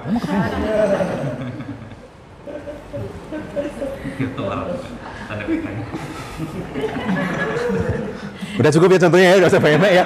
Saya hanya mau bilang ke kalian, saya hanya mau bilang ke kalian, bagaimana komunikasi publik itu kalau keliru membangun persepsi itu salah. Kalian bisa membayangkan nggak di zaman seperti COVID, komunikasi publik yang keliru itu membuat persepsi tentang tentang wabah itu jadi keliru kan? Sebenarnya berbahaya nggak sih COVID ini? Orang yang bertanya-tanya kan? Lewang menteri ini bilang begini, menteri ini bilang boleh. Ini bu, bilang boleh bilang apa namanya PPKM begini, tapi mau boleh buka. Itu kok gimana sih? Itu komunikasi publik. Ini satu area gede untuk risetmu, untuk S2-mu, untuk S3. Satu sisi itu, komunikasi kebijakan kepada publik. Kedua, kebijakan kepada birokrasi. Di komunikasi yang saya tadi bilang di awal tadi. Bagaimana kebijakan itu dikomunikasikan kepada birokrasi karena birokrasilah yang menjalankan. IKN. Contoh yang paling baik itu, menurut saya satu di antara. Saya tidak yakin kalian tahu punya gambaran yang sangat jelas, roadmap yang sangat jelas, pemindahan ASN itu kayak apa. Pasti kalian nggak tahu. Nggak pernah dikomunikasikan kok. Saya ketemu sama Pak Bambang Susantono, saya ngobrol sama beliau, saya ngobrol sama Menteri PPN Bapenas, saya ngobrol sama beberapa orang dan saya mengatakan, selama ini fokus kita cuma ngomongin infrastrukturnya. Tapi orangnya gimana? Pemerintah gusar kan? Banyak PNS yang pindah ke Pemda. Akui saja, kamu punya banyak teman nanti di Jabar. Nah, Jabar sama DKI sama Jawa Tengah itu tujuan pemindahan orang-orang dari Jakarta yang tidak mau jadi orang daerah. Karena kan pusatnya pindah ke Kalimantan, ya kan? Jadi mereka ini pindah ke Pemda. Pemerintah gusar loh itu. Kok sampai seperti ini? Bisa disalahkan nggak? Maka saya nulis di Kompas satu halaman kemarin itu. Saya tulis di Kompas satu halaman tentang satu masa depan Nusantara. Saya tulis itu. Satu halaman. Dan ujungnya ASN. Saya bilang, pemindahan ibu kota ini harusnya jadi momentum pembaruan seluruh tata negara ini. Kornya apa? ASN. Kalau ASN cuma diberi, terus di Kompas. Full. Kompas nggak ngedit satu kata pun. Utuh itu masuk Kompas. Kompas itu terima tulisan itu, biasanya 700 kata. Saya bilang, saya mau nulis lengkap 1600 kata. Saya bilang kan, waduh Pak Yanuar begini, gini, gini, gini, gini. Anda baca dulu, kalau Anda mau motong, bilang ke saya. Kalau saya setuju, saya oke. Kalau nggak setuju, saya tarik dari Kompas. Kompas masuk, full satu halaman. Dan saya bilang, apa adanya. Karena ASN, ASN, dan saya bilang kan, elephant in the room adalah ketakutan toh. 2024 jangan-jangan presiden baru membatalkan, iya nggak? Udah, nggak usah ditutup-tutupi kayak gitu. Sering sekali orang kemudian ngomong, tapi karena nggak berani addressing elephant in the room. Di Kompas, saya tulis jelas-jelas. Salah satu kekhawatiran yang paling besar adalah ketika pemerintah hasil pemilu 2024 membatalkan pemindahan IKN. Karena kita tahu undang-undang aja bisa digeser kalau ada koalisi. Ya toh, selesai, sudah. Tapi cara memandang IKN hanya sebagai proyek membangun ibu kota baru tanpa melihat manusia ini, itu salah besar itu. Yang dipindah memang 12.000 di awal. 12.000 itu adalah exercise jumlah minimum yang dibutuhkan presiden untuk bisa bekerja. 5.000 TNI Polri, 7.000 sipil. Idealnya 60.000. Tapi kalau nggak bisa 60.000, 12.000. Mengapa? Karena kemampuan kita membangun settlement, perumahan untuk kalian nanti cuma 12.000. Maka 12.000 dulu tahun depannya 12 ribu lagi, yang mudah-mudahan itu. Tetapi kalian kan nggak ngerti roadmap-nya. Maka kemarin saya mengajukan kan, jangan hanya remunerasi, jangan hanya fasilitas, tapi percepatan kenaikan jabatan. Dari bulan Oktober sampai Desember 2021 sebelum saya bergabung di tim uh, nasional di Sekretariat Nasional SDGs di Bapenas, saya tiga bulan profesorship di Singapura. Saya menjadi senior fellow di Lee Kuan Yew School Public Policy selama tiga bulan di sana. Saya ketemu menteri-menteri di Singapura, saya ketemu dirjen-dirjen di sana. Dirjen, nama mereka itu namanya Permsec, Permanent Secretary. Itu umurnya 45 tahun. Dirjen. Dengan usia pensiun mereka 65 tahun, maka sebagai eselon 1 mereka berkarya selama 20 tahun. Maka kebijakan itu sustain terobosan itu jalan. Desember saya pulang ke Indonesia, selesai profesorship saya tiga bulan di sana, saya ngadep almarhum Pak Cahyo Kumolo. Pak Menteri saya cerita, Pak Menteri gini gini gini, saya bilang, Pak Singapura tetangga sebelah itu, yang jumlah warga negaranya lebih sedikit dari jumlah ASN kita. ASN kita tuh 4,3 juta orang. Sekarang 3,9 juta kan? Warga negara Singapura itu cuma 3,4 juta. Lebih banyak. Ya? Lebih banyak ASN daripada warga negara Singapura itu. Saya cerita, begini Pak, umur 45 tahun Permsek. Saya bilang, kenapa kita nggak bisa ya Pak ya? 45 tahun ASN kita jadi eselon 1. Sehingga kalau dia pensiun umur 60 tahun, dia punya 15 tahun untuk berkarya. Ada Pak beberapa eselon 1 yang umur 40, tapi itu bukan di kurva normal, itu di pencilan, itu outliers. Kalau kita bisa membuat seperti itu, Pak. Dan saya bilang, gunakan IKN sebagai sakit momentum bahwa kita bukan hanya ibu kota baru, tapi cara pengelolaan negara yang baru, manajemen talenta ASN yang baru. Beliau saat itu in favor ide itu, kita tahu beliau meninggal. Itu mengapa saya tulis di koran, satu halaman itu. Dan saya tulis di koran, Mengapa kita tidak bisa seperti itu? Mengapa tidak 45 tahun sebagai usulan? Tapi saya tahu itu, mungkin prosesnya masih akan panjang. Kalau IKN jadi dipindah. Sampai sekarang kan akan digenjot terus ya kan? Untuk pembangunan. Kita melihat situasinya seperti apa. Tapi balik. Jadi itu itu tadi pertama tadi adalah internal, yang kedua eksternal, substansi. Ketiga, soal permintaan maaf tadi, nyambung dengan yang soal uh, eksternal. Iya mas, memang budaya minta maaf itu, saya ngomong budaya lagi, Itu bukan budaya. Karena antrian tadi, dia salah nggak minta maaf, dia salah nggak minta maaf, dia salah nggak minta maaf. Ketika saya jadi pejabat salah, saya juga nggak minta maaf. Itu bagian dari struktur yang dilanggengkan tanpa kita sadar. Padahal minta maaf itu tidak apa-apa, menurut saya ya. Orang salah karena tidak disengaja, dia minta maaf. Kalau direncanakan ya itu memang kriminal itu, direncanakan kok. Tapi kalau tidak, atau gini, ketika COVID masuk Indonesia ya, ketika COVID melanda dunia, karena saya masih bagian dari Manchester, saya itu dapat edaran dari uh, Gov UK, dan dia menulis begitu gini kira-kira. Kita menghadapi pandemi yang kita tidak tahu seperti apa dia berperilaku. Dengan pemahaman dan pengertian yang dipahami, yang dipunyai pemerintah Inggris saat ini, kami membuat kebijakan seperti ini. Satu, dua, tiga. Bawahnya, namun seiring dengan berkembangnya pemahaman kita nanti mengenai pandemi ini, kebijakan ini akan disesuaikan. Dia bilang di depan, ini hal yang kita tidak tahu, tapi dalam batas yang kita tidak tahu, yang bisa kita lakukan begini. Nanti kalau pengetahuannya tambah, kita ubah kebijakan. Sekali lagi, mungkin saya bias Inggris karena saya tinggal lama di sana dan saya masih jadi bagian dari kampus di Manchester. Tetapi menurut saya itu komunikasi kebijakan yang benar. Bukan di depan. Kebijakannya ini. Kalau you tidak melakukan begini akan begini itu kan. Berubah salah-salahan. Nggak bisa begitu sebenarnya. Jadi eh, perlu dilihat dalam konteks itu, Mas. Saya tidak melihat budaya sebagai budaya as culture ya, tetapi budaya sebagai bentuk rutinisasi tadi. Dan menurut saya, saya nggak tahu kalau kalian nanti jadi jadi pejabat eselon 2 gitu, mau nggak minta maaf kalau salah? Karena itu kadang-kadang terus kemudian, wah ini kan saya, pride, ya kan? Dan kemudian meletakkan selalu bukan saya yang salah. Padahal akan ada situasi, percayalah, akan ada situasi di mana memang government itu genuine ini salah kok. Dan nggak apa-apa. Tapi ya, nggak tahu ya mas ya. Tapi kira-kira itu. Eselon 3 dan 4. Nggak cuma di Kemendikbud mas. Nah, dengan Japfung ini gimana? Apakah membantu cerita dari Kemendikbud tadi? Silakan, siapa yang mau cerita? Ya silakan, cerita aja nggak apa-apa.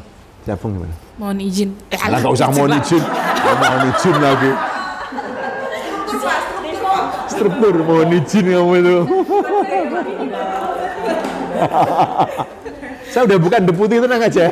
Mohon izin, mohon izin lagi ngapain? Mohon Re- izin. refleks pak bukan budaya refleks ini ya kalau bicara masalah eh, debirokratisasi itu itu Ya. kan memang balik lagi itu juga kebijakan yang menurut saya menurut saya pribadi pengkomunikasinya kurang Ya, betul.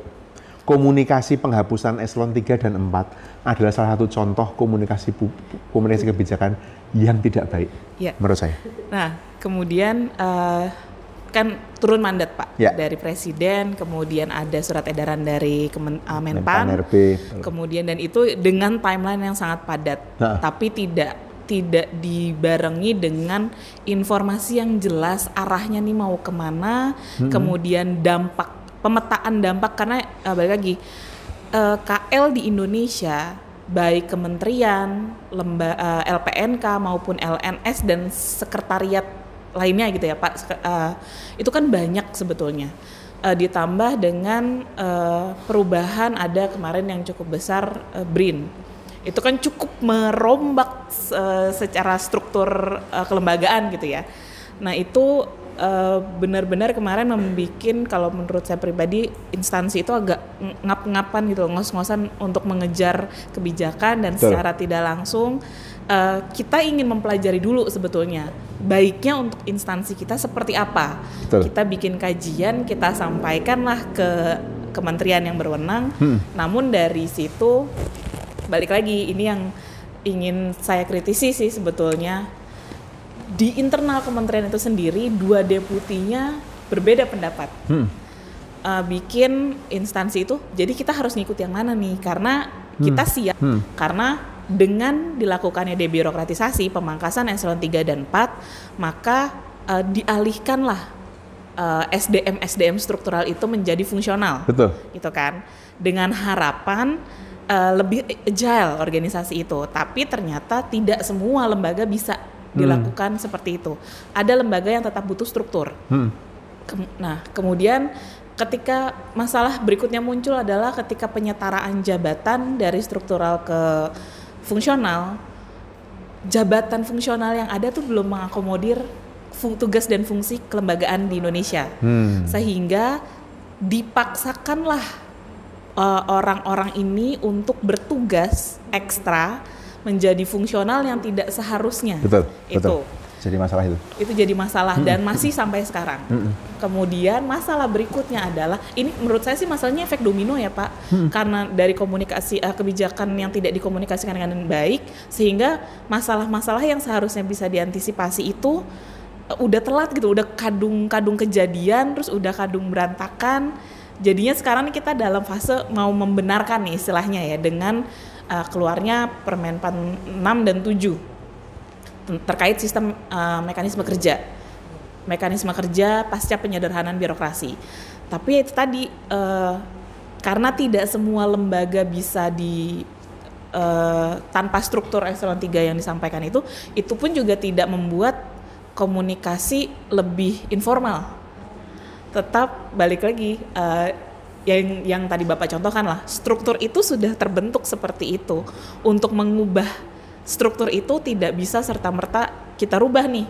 Karena saya dekat sama ya saya sama sestama di kantor juga kebetulan dekat tapi tetap ketika porsinya sudah dalam ini ada hal rambu-rambu yang perlu saya taati juga gitu. Mungkin saya pak gitu. Atau mas gitu. Misalnya gitu ah, kebetulan laki-laki saya sama gue. Nah itu mungkin bisa diobrolkan seperti itu. Tapi kan ada ketika eh, saya melangkahi eselon 2 saya gitu. Nah itu yang yang mungkin memang harus di diantisipasi lah oleh para umbis ini yang mungkin punya kedekatan kepada level atasnya. Tapi yaitu eh, kita terhimpit. Mungkin kalau dibilang sandwich generation ya di kantor nih kita juga kena nih. Di kantor nih kita juga kena nih. Kehimpit di antara eh, level-level eh, ya mungkin generasi-generasi yang masih harus eh, you nggak bisa langsung kayak gitu. Iya, iya, you iya. harus melewati I dulu. Oke, sedangkan oke, oke. kita merasa eh, kalau kita lewat ibu nggak nyampe nih yang kita maksud tuh nggak Ya, nyampe udah ya, keburu mental oke. kayak gitu nah ke- kemudian ditambah lagi eh, dan saat ini tuh kayak masih kita menunggu kebijakan yang penyederhanaan jabatan fungsional jadi kan karena katanya nih sekian puluh jabatan, 10 apa ratus ya sekarang jabatan fungsional. Kayaknya banyak banget Pak.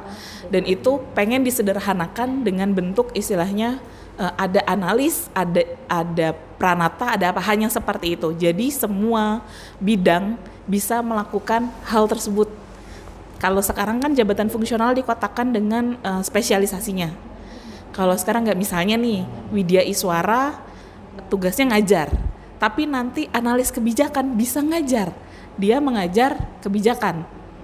Artinya ada ranah yang di- disederhanakan seperti itu, tapi kita nggak tahu kapan itu terwujud. Sedangkan proses organisasi terus berjalan Jalan, oke. dan itu yang bikin uh, Iya. kalau misalnya tadi Mas menyampaikan apakah berpengaruh Berpengaruh. berpengaruh. Tapi kondisi di dalamnya kadang kadang saya pengen gitu kalau ngobrol sama teman yang lagi sambat gitu, saya pengen teriak gitu.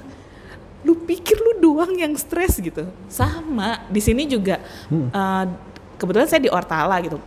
Kebijakan dari KL lain yang terkait harus kita olah, kita komunikasikan ke pimpinan, begitu juga kita komunikasikan ke eh, rekan kerja, istilahnya betul. sesama pegawai. Nah, itu yang yang apa jadinya kesulitan tapi eh, balik lagi mungkin nih berkaitan sama yang tadi disampaikan Mas Tommy susahnya minta maaf gitu kita kita kadang jadi kayak bukan blaming ya jadinya Pak Eh, ya kita udah mencoba nih tapi kebijakannya kita nggak bisa jalan itu karena dari sini belum ada gitu dari KL ini belum ada dari pimpinan belum turun kita nggak bisa jalan itu yang Ya. susah tapi ketika turun keluar berantakan semua di sini nggak minta maaf gitu di sini nggak mau disalahin juga terus kita yang ya terima nasib posisinya udah terima nasib gitu deh gitu. Oke, kayak gitu asik. sih pak kalau mau Yang lain yang mengalami penyederhanaan ini di birokratisasi ini. Eselon 3 4 ini ada yang ber, merasakan dampaknya. Silakan Mbak. Cerita tentang debirokratisasi ini. saya yang di Na- nama saya gitu saya korban saya korban yang di korban kamu merasa korban Enggak saya bahagia sebenarnya. Maaf Pak, jok sedikit ya Pak. Eh, kebetulan Pak saya memang dari eselon 4 yang disederhanakan. Nah untuk pandangan saya pribadi, menurut saya itu tepat Pak. Sangat-sangat tepat, karena saya di sekretariat. Menurut saya kebijakannya tepat, tapi mungkin eh, kebijakan itu tidak dipikirkan dengan baik, nggak punya roadmap yang clear gitu Pak. Mana yang boleh disederhanakan, mana yang Mana tidak. tidak. Kalau Bapak ingat pertama-tama dibilang akan disederhanakan sampai ke level pemerintah daerah. Saya nggak bayangin itu lurah saya disederhanakan, camat saya disederhanakan. Itu karena saya pernah kerja di kelurahan, Pak. Saya pernah kerja di kelurahan sebelum pindah ke kementerian. Saya mikir terus siapa yang mau dengerin itu lurah ngomong kalau dia cuma dianggap pejabat fungsional gitu ya, Pak. Hari ini disebutkan oleh almarhum Pak Cahyo, besoknya langsung diperbaiki. Itu contoh komunikasi publik yang sangat tidak baik Ya. uh, entah dari level staff di bawahnya yang tidak bisa menyampaikan ke pimpinan juga uh, bentuk kebijakan yang tepatnya seperti apa begitu ya Pak. Uh, menurut saya pribadi satu adalah aturan yang tidak jelas ketika ingin dikomunikasikan Pak. Jadi memang udah komunikasinya jelek, aturan yang mau dikomunikasikan juga tidak ti- tidak matang gitu Pak. Jadi sudah disederhanakan, aturannya baru keluar, baru keluar, baru keluar. Itu pun sampai detik ini penyederhanaan itu belum clear Pak.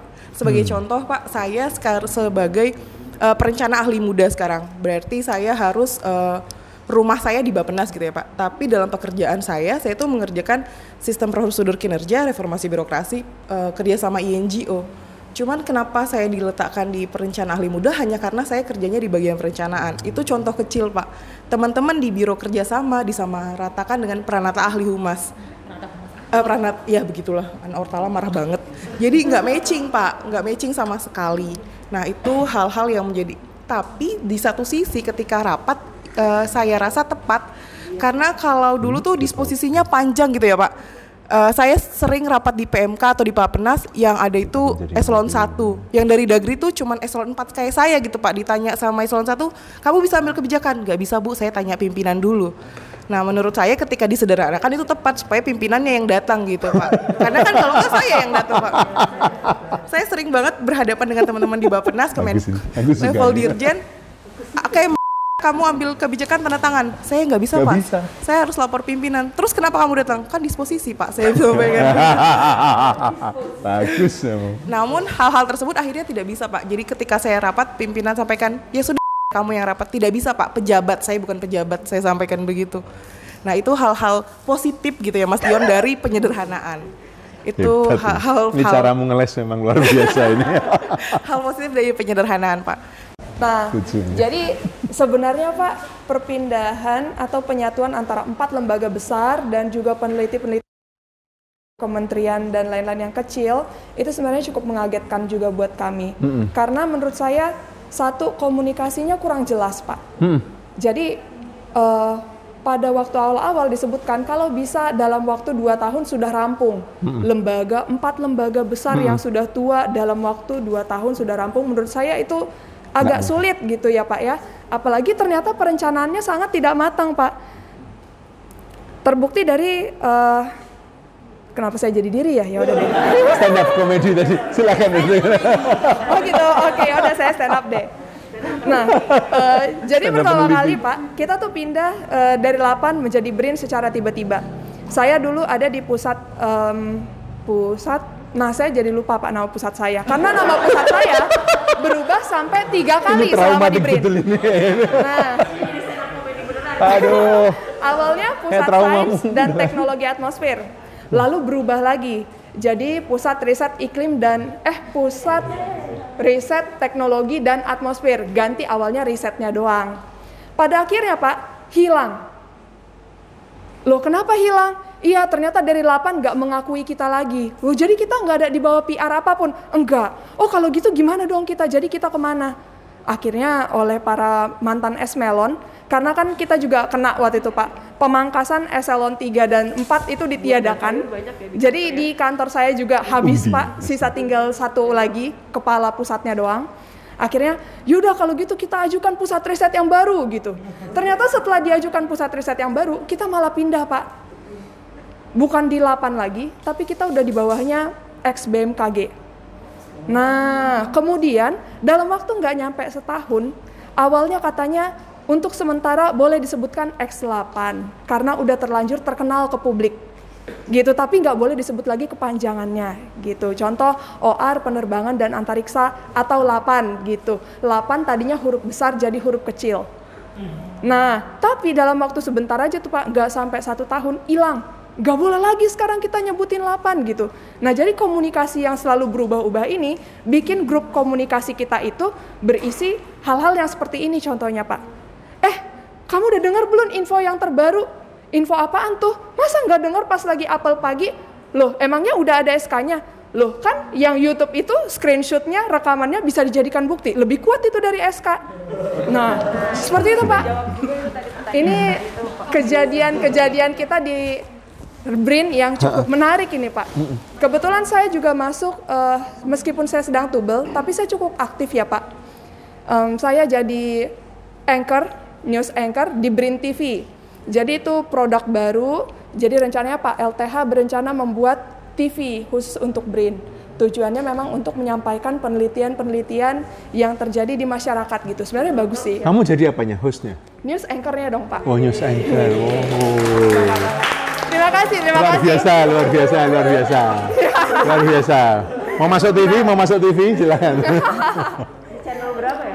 Kamu Nah, itu di channel berapa? Ini masih dalam proses. Jadi kita lagi eh, memproses ke situ, terus juga ke radio juga. Nah, tapi ini yang kembali saya takutkan, Pak.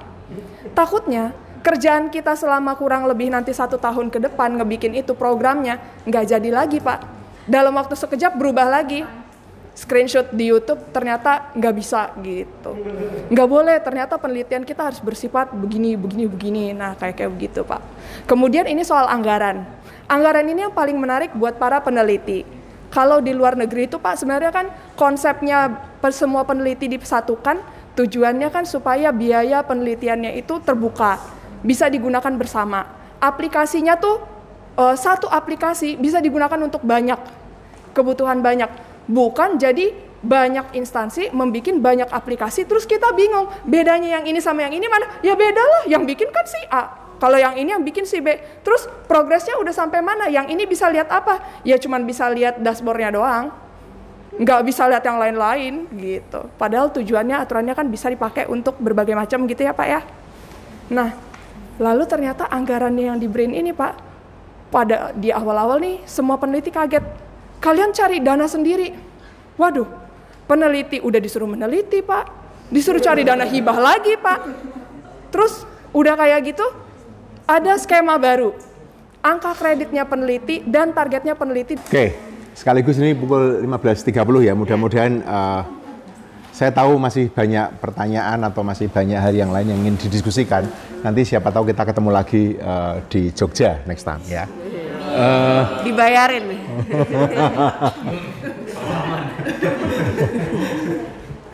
eh, terima kasih cerita tentang tadi eh, debirokratisasi.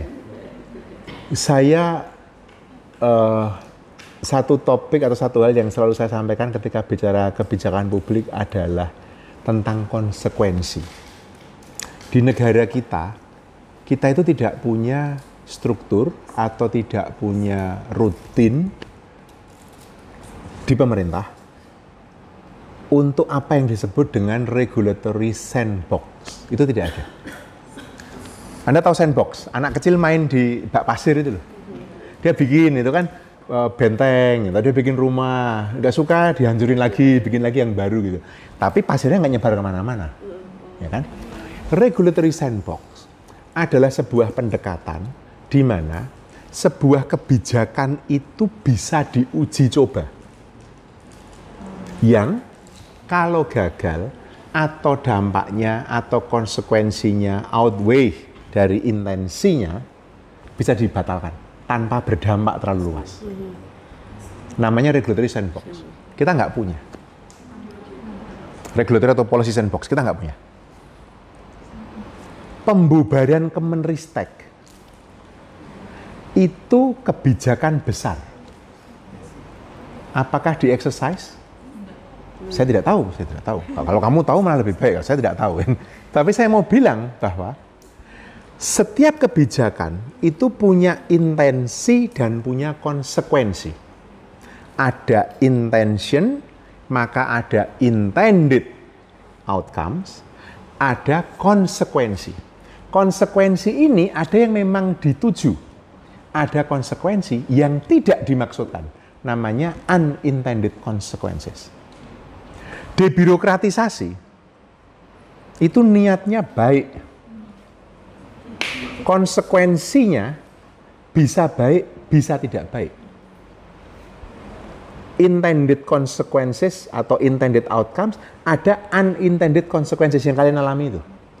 Kemendikbud barangkali mendapatkan, iya, intended outcomes-nya seperti itu. Tetapi percayalah saya tidak ada satupun di bawah kolong langit ini yang 100% intensional. Percayalah, nggak ada. Pasti ada unintended consequences. Diakui atau tidak diakui? Dipahami atau tidak dipahami? Bisa diidentifikasi atau tidak diidentifikasi? Bisa diantisipasi atau tidak? Tidak ada satu kebijakan pun, bahkan yang Anda anggap paling baik pun, 100% pasti konsekuensinya baik. Omong kosong, nggak ada. UU Cipta Kerja itu niatnya baik. Anda cek, ini dari konsekuensinya. Pembangunan jalan tol, infrastruktur, intensinya baik. Semua intensi kebijakan pemerintah itu tidak ada yang buruk. Kecuali pemerintahnya jahat ya. Tapi, menurut saya pemerintah kita tidak seperti itu. Yang kita kurang adalah proses pembuatan kebijakan itu tidak utuh dari ujung ke ujung. Maksud saya, ketika kebijakan dibuat, kita hanya melihat kita maunya apa, tapi kita tidak bisa mengantisipasi konsekuensi atau dampak yang tidak dimaksud itu apa. Hubungan saya dengan Mas Handoko itu, Mbak LT Handoko, itu love and hate relationship itu. Anda boleh tanya dia pribadi.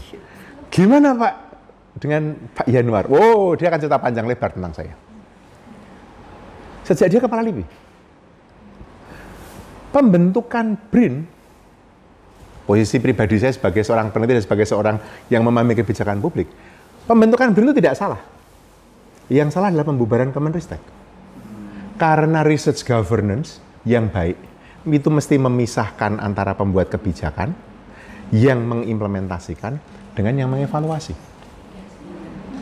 Sekarang semua jadi satu kan? That is not a good research governance. Tapi orang bisa berdebat, loh Cina kan begitu, Jepang kan begitu. Maka kalau kita lihat dari kacamata sosiologi politik, yang terjadi di sektor riset dan inovasi kita adalah resentralisasi. Negara semua yang menangani. Termasuk sampai ke berida segala macam itu kan. Salah atau benar, kita tidak tahu. Itu masyab. Tetapi, pendekatan ada dua pendekatan. Pendekatan pertama adalah sudah jadi satu semua, seperti Cina atau Jepang. Dan kita tidak bisa bilang Jepang jelek dong. Nyatanya bagus kok. Pertanyaannya adalah, Indonesia cocok nggak mengacu Jepang ini? Indonesia cocok nggak mengacu Cina ini? Kita nggak tahu juga, ya kan? Itu mengapa keputusan sepenting itu mestinya dieksersis lewat regulatory sandbox. Mestinya keputusan peleburan lembaga itu, empat lembaga gede jadikan satu. Mestinya debirokratisasi itu ada regulatory sandbox. Misalnya, kalau begitu kita coba terapkan ya, di kementerian A atau kementerian B atau kita eksersis dulu juga beberapa orang ini. Kalau kita hapuskan eselon 3, eselon 4, mereka akan gimana? Garapnya apa? Dicek regulatory sandbox. Itu bisa enam bulan, bisa setahun, bisa tiga tahun. Tapi dicek. Oh iya ini dampaknya ini bisa identifikasi. Oke jalan, jalan ya. Tapi kita bisa mengantisipasi dampaknya apa. We don't have that dalam sistem negaraan kita. Karena juga rejim keuangan, juga rejim anggaran, juga rejim perencanaan, kalau kamu spend, mesti ada hasilnya kan. Padahal keputusan begitu eksperimen. Saya dibesarkan dalam tradisi ilmu inovasi. Dalam inovasi itu ada yang namanya Valley of Death, jurang kematian. Kalau ini ada invensi, penemuan, 100 begitu, ini ada jurang itu. Yang bertahan sampai ke inovasi, inovasi itu artinya digunakan di gitu. Itu 10% sudah bagus banget. Biasanya 5 sampai 3%. Tetapi pemerintah mesti ada untuk menjembatani value of debt tadi agar dimungkinkan makin banyak invensi yang bisa menjadi inovasi. Syaratnya apa? Duit hilang tidak apa-apa. Karena tidak semua hal yang ditemukan bisa masuk pasar kan? Kita tidak jalan itu. Karena nggak ada yang mau menanggung itu. Karena kalau kamu mengandung uang negara, ditanyakan hasilnya mana? Pak ini eksperimen Pak dan gagal. Nggak bisa, kan jadi temuan BPK, mati kamu. Nggak ada inovasi negara ini. Nggak ada. Nggak ada orang Tapi- BPK di sini tapi Pak. Enggak ada orang BPK. Nggak Diundang aja minggu datang. Siapa BPK harus ada itu kan. Enggak, maksud saya karena cara mengaudit itu berbeda. Kamu mengaudit riset dengan mengaudit membangun jembatan, ya beda lah. Kalau jembatan kamu ditanya 30% artinya apa? Oh pembebasan lahannya sudah atau pembangunan jalan gitu ya. Oh materialnya sudah ada gitu.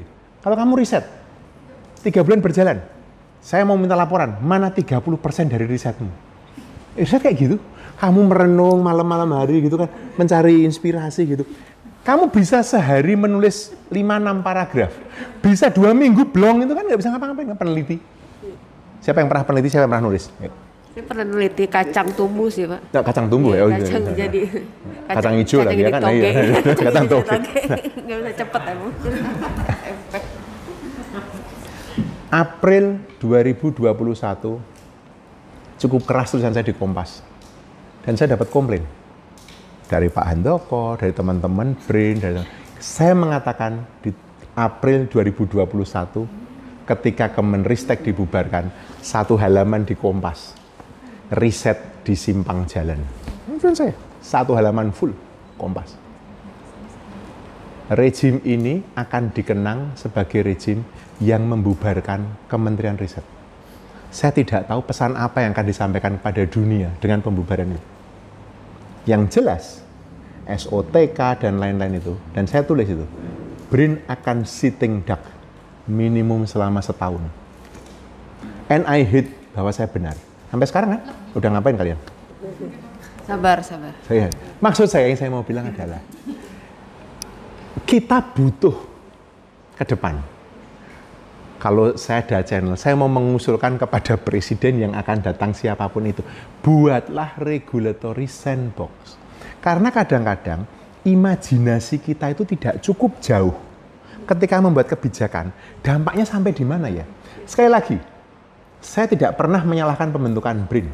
Saya menyayangkan pembubaran Kemenristek. Bahkan saya diwawancara, saya lupa mana, Kompas TV atau di mana, atau saya lupa di mana. Saya mengatakan, karena sekarang tinggal satu-satu yang kita punya BRIN, maka BRIN harus bagus sekarang. Udah, sekarang tanggung jawabnya di situ, Mbak. Kalau Anda dari seorang peneliti 8 menjadi news anchor, itu agak lumayan loh gitu ya, switch-nya ya. Dari peneliti 8 menjadi news anchor itu kan, wah itu kan, nah, itu, itu. Menurut saya sekarang, kalau saya ditanya, ya sudah nggak ada cara lain, ya harus kita bantu, Brin. Meskipun seperti itu, meskipun seberantakan itu, ya sudah kita bantu dulu. Sebisanya.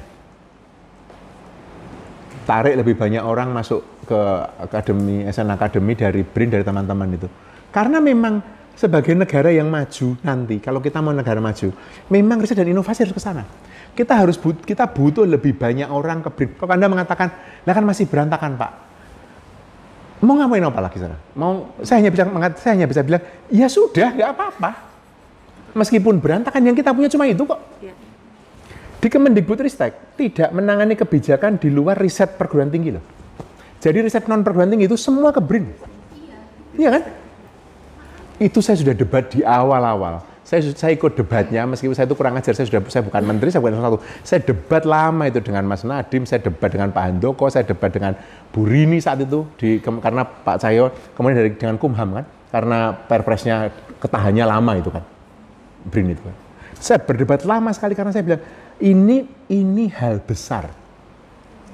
Berapa dulu debat? Mau 9 deputi nggak jadi turun 12 deputi turun ke 7 turun ke berapa? Itu kan masa udah dramanya nggak karu-karuan kan Mas Nadiem bilang saya nggak mau ngurusi di luar kampus pokoknya. Bilang lo nggak bisa kalau namanya Kemendikbud Ristek you ngurusi Ristek kebijakan Ristek sampai di luar kampus dong harusnya. Menteri mengatakan oh, saya nggak mau pokoknya. Kalau dia mau pokoknya nggak mau terus gimana siapa yang ngurusi? Ribet.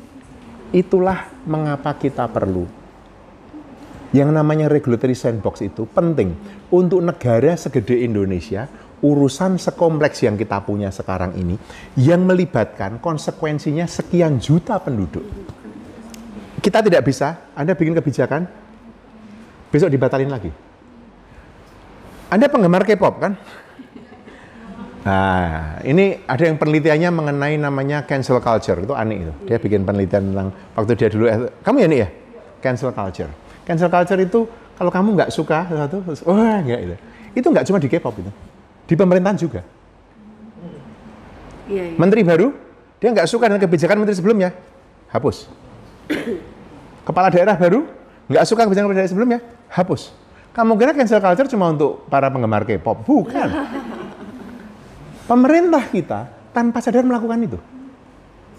Ada yang bisa menjamin nggak? Tadi pertanyaan mendasar tadi kan, pemindahan IKN diteruskan nggak? Ada yang bisa menjamin nggak MBKM diteruskan, Merdeka Belajar, kalau menterinya bukan Nadiem? Ada yang bisa menjamin nggak dibirokratisasi diteruskan di pemerintahan baru? Jadi kalian ini hidup dalam ketidakpastian kan, setiap lima tahun deg-degan, diterusin nggak ya? Diterusin nggak ya?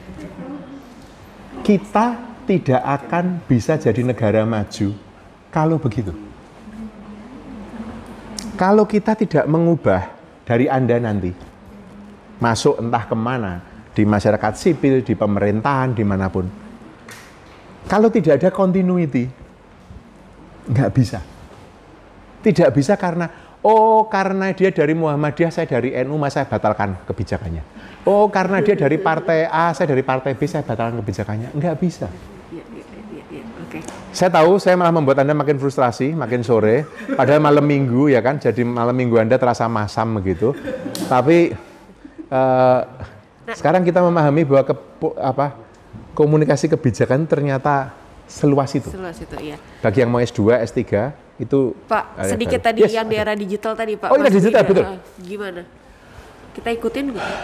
Diikutin nggak? Good question itu.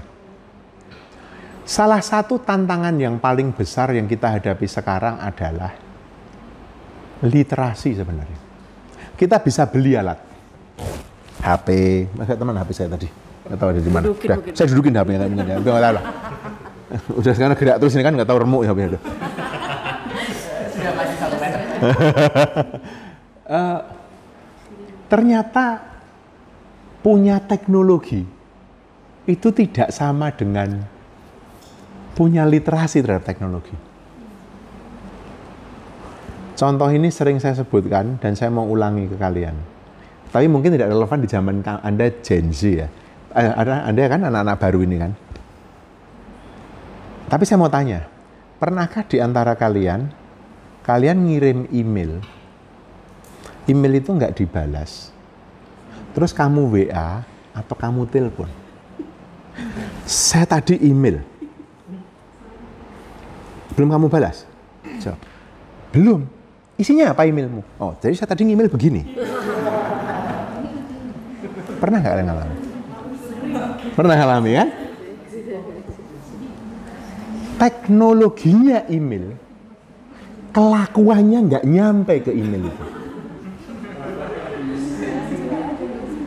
Oke? Itu yang saya maksud dengan literasi, ngerti nggak?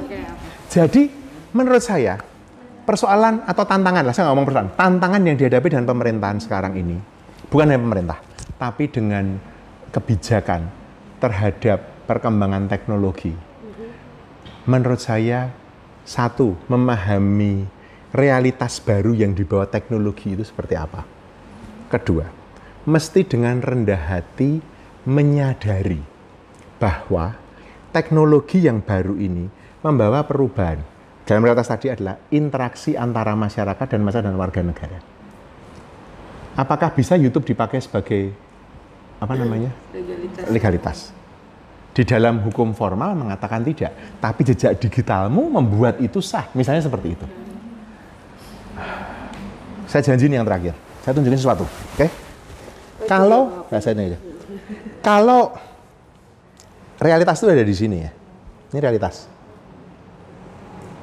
Biasanya refleksi akademik itu setahun di belakangnya. Dan biasanya kebijakan itu lebih mundur lagi. Contoh, di dunia ini sekarang kita sedang debat mengenai perlindungan data pribadi. Kita sedang debat mengenai drones yang sekecil ujung jari itu, apakah bisa menjadi alat pemusnah, senjata pemusnah massal. Drone sekecil ini diberi mesiu dengan artificial intelligence, dengan data foto yang kalian berikan secara sukarela di Instagram, dia bisa memprofil orang. Orang laki-laki umurnya antara 35 sampai 50, pakai jenggot, bajunya begitu, kita hajar. Drone. Sebelah kepala meledak, dor, mati. Tanpa mengganggu yang lain. Ini sustainable kan? Ano, apa namanya? Akrab lingkungan, tidak ada dampak, tapi membunuh gitu kan. Dan perdebatan dunia sekarang adalah apakah ini bagian dari senjata pemusnah massal? Di sana. Ini realitas dengan teknologi ini. Refleksi akademik ada di sini. Bisa enggak ya? Enggak ya debat etik. Kebijakan masih mikir di sini. Indonesia di sana. Ujung sana. Di sana mendebatkan drone sebagai senjata pemusnah masalah. Kita di sini mikir, kendaraan bermotor roda dua itu transportasi publik enggak ya? Gojek dan Grab. Ini realitasnya, ini realitas perlindungan data pribadi, profiling yang bisa dipakai untuk membunuh orang. Dunia itu debatnya di sini. Kita di sana, Gojek sama Grab ini ini kendaraan umum atau enggak? Peraturan Menteri Perhubungan itu melanggar undang-undang transportasi atau enggak? Kebayang enggak kalian? Selamat sore, udah selesai. Ya, yang terakhir Pak, eh, buat menutup Pak, eh, menutup apa lagi, Mas? konkretnya nih Pak. Kalau yang, yang yang tadi kita tahu kan kalau yang dilakukan teman-teman itu manajerial. Ya. Eh, ini, ini kan ini kan unik uniknya pemerintahan ya Pak ya. Ya. Yang dilakukan itu manajerial Hmm. yang visinya itu seumur hidup mungkin Ya. atau sepanjang Indonesia berdiri gitu ya. Denwar pernah ada pengalaman gitu Pak. Eh, kalau di Inggris tuh sebenarnya gimana sih Pak? Polit karena kan politik itu pasti di mana-mana pun setiap Oke, 10 tahun oke, ganti kan Pak. oke, oke, oke, Gimana gini. supaya yang ganti ini manajer- manajerialnya bisa tetap berjalan Hmm. walaupun politiknya berganti-ganti gitu Pak. Gini ya, ini blunt answer ya. Kalau kandidat elected government itu berdebatnya di tingkat visi, itu menurut saya kita akan mendapatkan hasil seperti ini terus. Harusnya visi itu final. Yang ada di pembukaan Undang-Undang Dasar 45. Yang diperdebatkan harusnya how. Jadi, yang saya bayangkan, calon kepala negara berdebat tentang substansi di depan konstituen yang relevan. Misalnya, saya tadi pernah cerita kan, ngobrol. Besok misalnya pasangan A, B, C, D, E, F gitu ya, tiga pasangan gitu. Duduk di depan perempuan, anak, penyandang difabilitas, kelompok-kelompok marginal. Dan dia bilang, yang mau saya lakukan apa? Mengapa saya mau melakukan itu? Debat yang seperti itu nggak terjadi ya. Calon kepala negara besok itu tiga pasang atau dua pasang itu diundang anak-anak muda di depan anak muda dan dia bilang, yang saya mau kerjakan karena anak-anak muda ini yang punya masa depan. Yang seperti itu nggak terjadi, Aji. Jadi, perdebatan nanti yang saya paling khawatirkan dan saya paling tidak mau adalah dibawa ke dalam sentimen-sentimen yang masih, mohon maaf, subcultured gitu ya. Bahasa saya dari bahasa Indonesia kan ya. Nggak mutu lagi gitu kan. Politik identitas lah, politik agama lah, ya udahlah. Konyol seperti itu. Indonesia sudah jelas, mandat konstitusinya jelas. Kalau kita memang mau membangun bangsa ini yang merdeka, bersatu, berdaulat, adil dan makmur, clear kan? Menciptakan tadi kan mandatnya jelas kan mencerdaskan kehidupan bangsa itu clear di pembukaan kan. Maka debatnya adalah gimana caranya? Sudah nggak debat lagi mengenai visi, sudah nggak debat lagi. Harusnya begitu. Nah, tetapi itu nggak terjadi. Kalau tadi kamu bertanya pada saya, sekarang saya balik, Ci. Memungkinkan nggak, misalnya, melakukan langkah strategik anak-anak muda ini bilang ke KPU, Pak besok debatnya nggak kayak kemarin itu Pak, debat seremonial di Good Hotel Sultan yang nggak bisa diakses publik, sekarang bikin debat. Kan sekarang KPU mengizinkan masuk kampus, banyak perdebatan kan? Kalau di kampus yang di govern kampus dong. Di depan mahasiswa, di depan sales akademika, duduk. Debat akademik. Apa yang dipandang, apa pendapat para kandidat ini mengenai kebebasan akademik, mengenai kampus, mengenai jenjang karir dosen. Itu loh, itu nggak terjadi, Ci. Kalau saya nggak tahu, kamu mau atau tidak, berani atau tidak, ngadep ke teman-teman di KPU.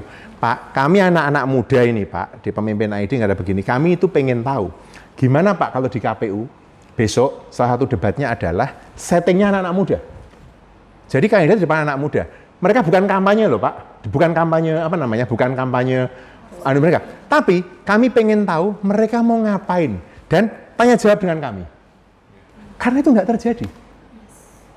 Inggris itu salah satu negara yang sangat efisien dan ngirit pemilu. Cuma dua minggu kampanye. Tapi mereka sudah exercise dulu. Dan ketika ada partai menang dan partai tidak menang, yang jadi uh, oposisi, mereka jadi oposisi dengan benar. Mereka punya shadow kabinet, mereka ngerti kebijakannya apa, dikritiknya di mana. Dan hal-hal penting tidak digeser meskipun Perdana Menteri ganti. Yang namanya RC UK, karena saya peneliti di sana, saya tinggal 12 tahun sebagai peneliti di Inggris. Yang namanya Research Council UK, itu punya arah riset. Perdana Menterinya ganti, Menteri risetnya ganti, dia nggak peduli. Arahnya ke sini. Ditetapkan, tahun 1999 pertemuan Lisbon, mengatakan bahwa kalau Eropa tidak mengembangkan dirinya, nggak bertahan, dia akan dilibas oleh Jepang sama Korea. Tahun 99, di Portugal, Lisbon. Tahun 2000, pas tahun 2000, tahun berikutnya, Inggris membuat yang namanya UK Technology Foresight. Saya datang sebagai anak bawang. Saya jadi asisten. Ketika saya masih master, UK Technology Foresight. Punya foresighting. Eropa bikin. Maka lahirlah EU FP7. Framework program ketujuh dari tahun 2000 sampai tahun 2015. 15 tahun ganti perdana menteri, ganti menteri pendidikan, jalan program itu. Di sini enggak. Ganti menteri, ganti kebijakan, ganti dirjen, ganti kebijakan. Terus kamu mau, mau negaramu maju, yang bener aja. Kagak bisa kayak gitu. Nggak bisa. Saya ngobrol dengan teman-teman waktu itu, masih meristek ya, Mbak, belum, Brin. Ditanya, saya datang ke Indonesia. Saya pulang Indonesia tahun 2012 pulang lama, tapi waktu itu pernah diundang tahun 2010 saya pulang ke Indonesia dan ditanyain, gimana kerangka regulasi di Inggris mengenai inovasi dan riset? Saya bilang, di Inggris hanya punya satu aturan mengenai riset inovasi. Science and Technology Act 1968, 1968. Cuma satu aturan, tok di Inggris. Tapi dijalankan. Kita punya berapa puluh? Jadi Ci, berani nggak kamu Ci ke KPU? Gitu sih. Baru bayar. ya nuar, enak aja. Oke, teman-teman karena udah 1548 gitu ya. 1548. Jadi 1548 ini memang suatu eh, kebanggaan tersendiri ketemu Pak Yanuar dan berdiskusi bareng-bareng di sini. Ya, tepuk tangan dong untuk Pak Yanuar juga dan kita semua yang di sini. Eh, jadi karena tadi ada hanya ada dua kaos dari Mas eh, Josu katanya gitu yang kayak dipakai sama Mas Josu. Jadi tadi Kamu yang dipakai, nanya, dua aja dipakai ya sama dia, sama jangan dipakai saya. jadi iya tadi yang nanya dan diskusi katanya eh, kita votingnya nanti dipilihnya dari tag Insta Story katanya nih. Jadi di mention kritik saran kesan soal pojok kebijakan di mention ke Nalar Institute pemimpin ID dan negarawan. Jadi nanti yang menang uh, akan dapat kaosnya gitu ya. Nah, kalau misalnya saya summary sedikit nih ya teman-teman, kita di sini berkumpul untuk memutus rantai uh, yang tadi struktur Pak uh, Yanuar bilang untuk Indonesia maju ke depannya gitu ya. Jadi nggak ada lagi kita memper, mendiskreditkan diri kita menjadi umbis, nggak ada lagi es melon, tapi kita semua bisa berjuang bersama buat menjadi Indonesia lebih baik ke depannya gitu. Jadi jangan lupa juga ada regul- regulatory sandbox tadi Pak ya. Jadi nanti kalau misalnya kita udah jadi eselon 1 kita nantinya memimpin uh, sebuah kementerian atau lembaga kita bisa uh, membuat mungkin inovasi inovasi itu juga ada gitu ya. Dan kita sudah banyak belajar dari Pak Yanuar. Jangan lupa dicatat dan kita aktifkan selalu komunitas ini supaya kita bisa sama-sama punya critical mass yang memecah struktur dan membuat apa struktur baru tadi. Gitu teman-teman. Uh, uh, mungkin sekian dari saya. Mohon maaf tadi saya terlambat karena satu dan lain hal. Nanti curhatnya di belakang aja ya pak ya. Saya lagi jadi anak pingit kebetulan bapak ibu. Jadi anak pingit. iya anak Oh. pingit. Jadi uh, dengan anti korupsi Indonesia bisa bersih. Cukup sekian dan terima kasih. Terima kasih teman-teman. Sampai jumpa lagi. Terima kasih. makasih pak Yanuar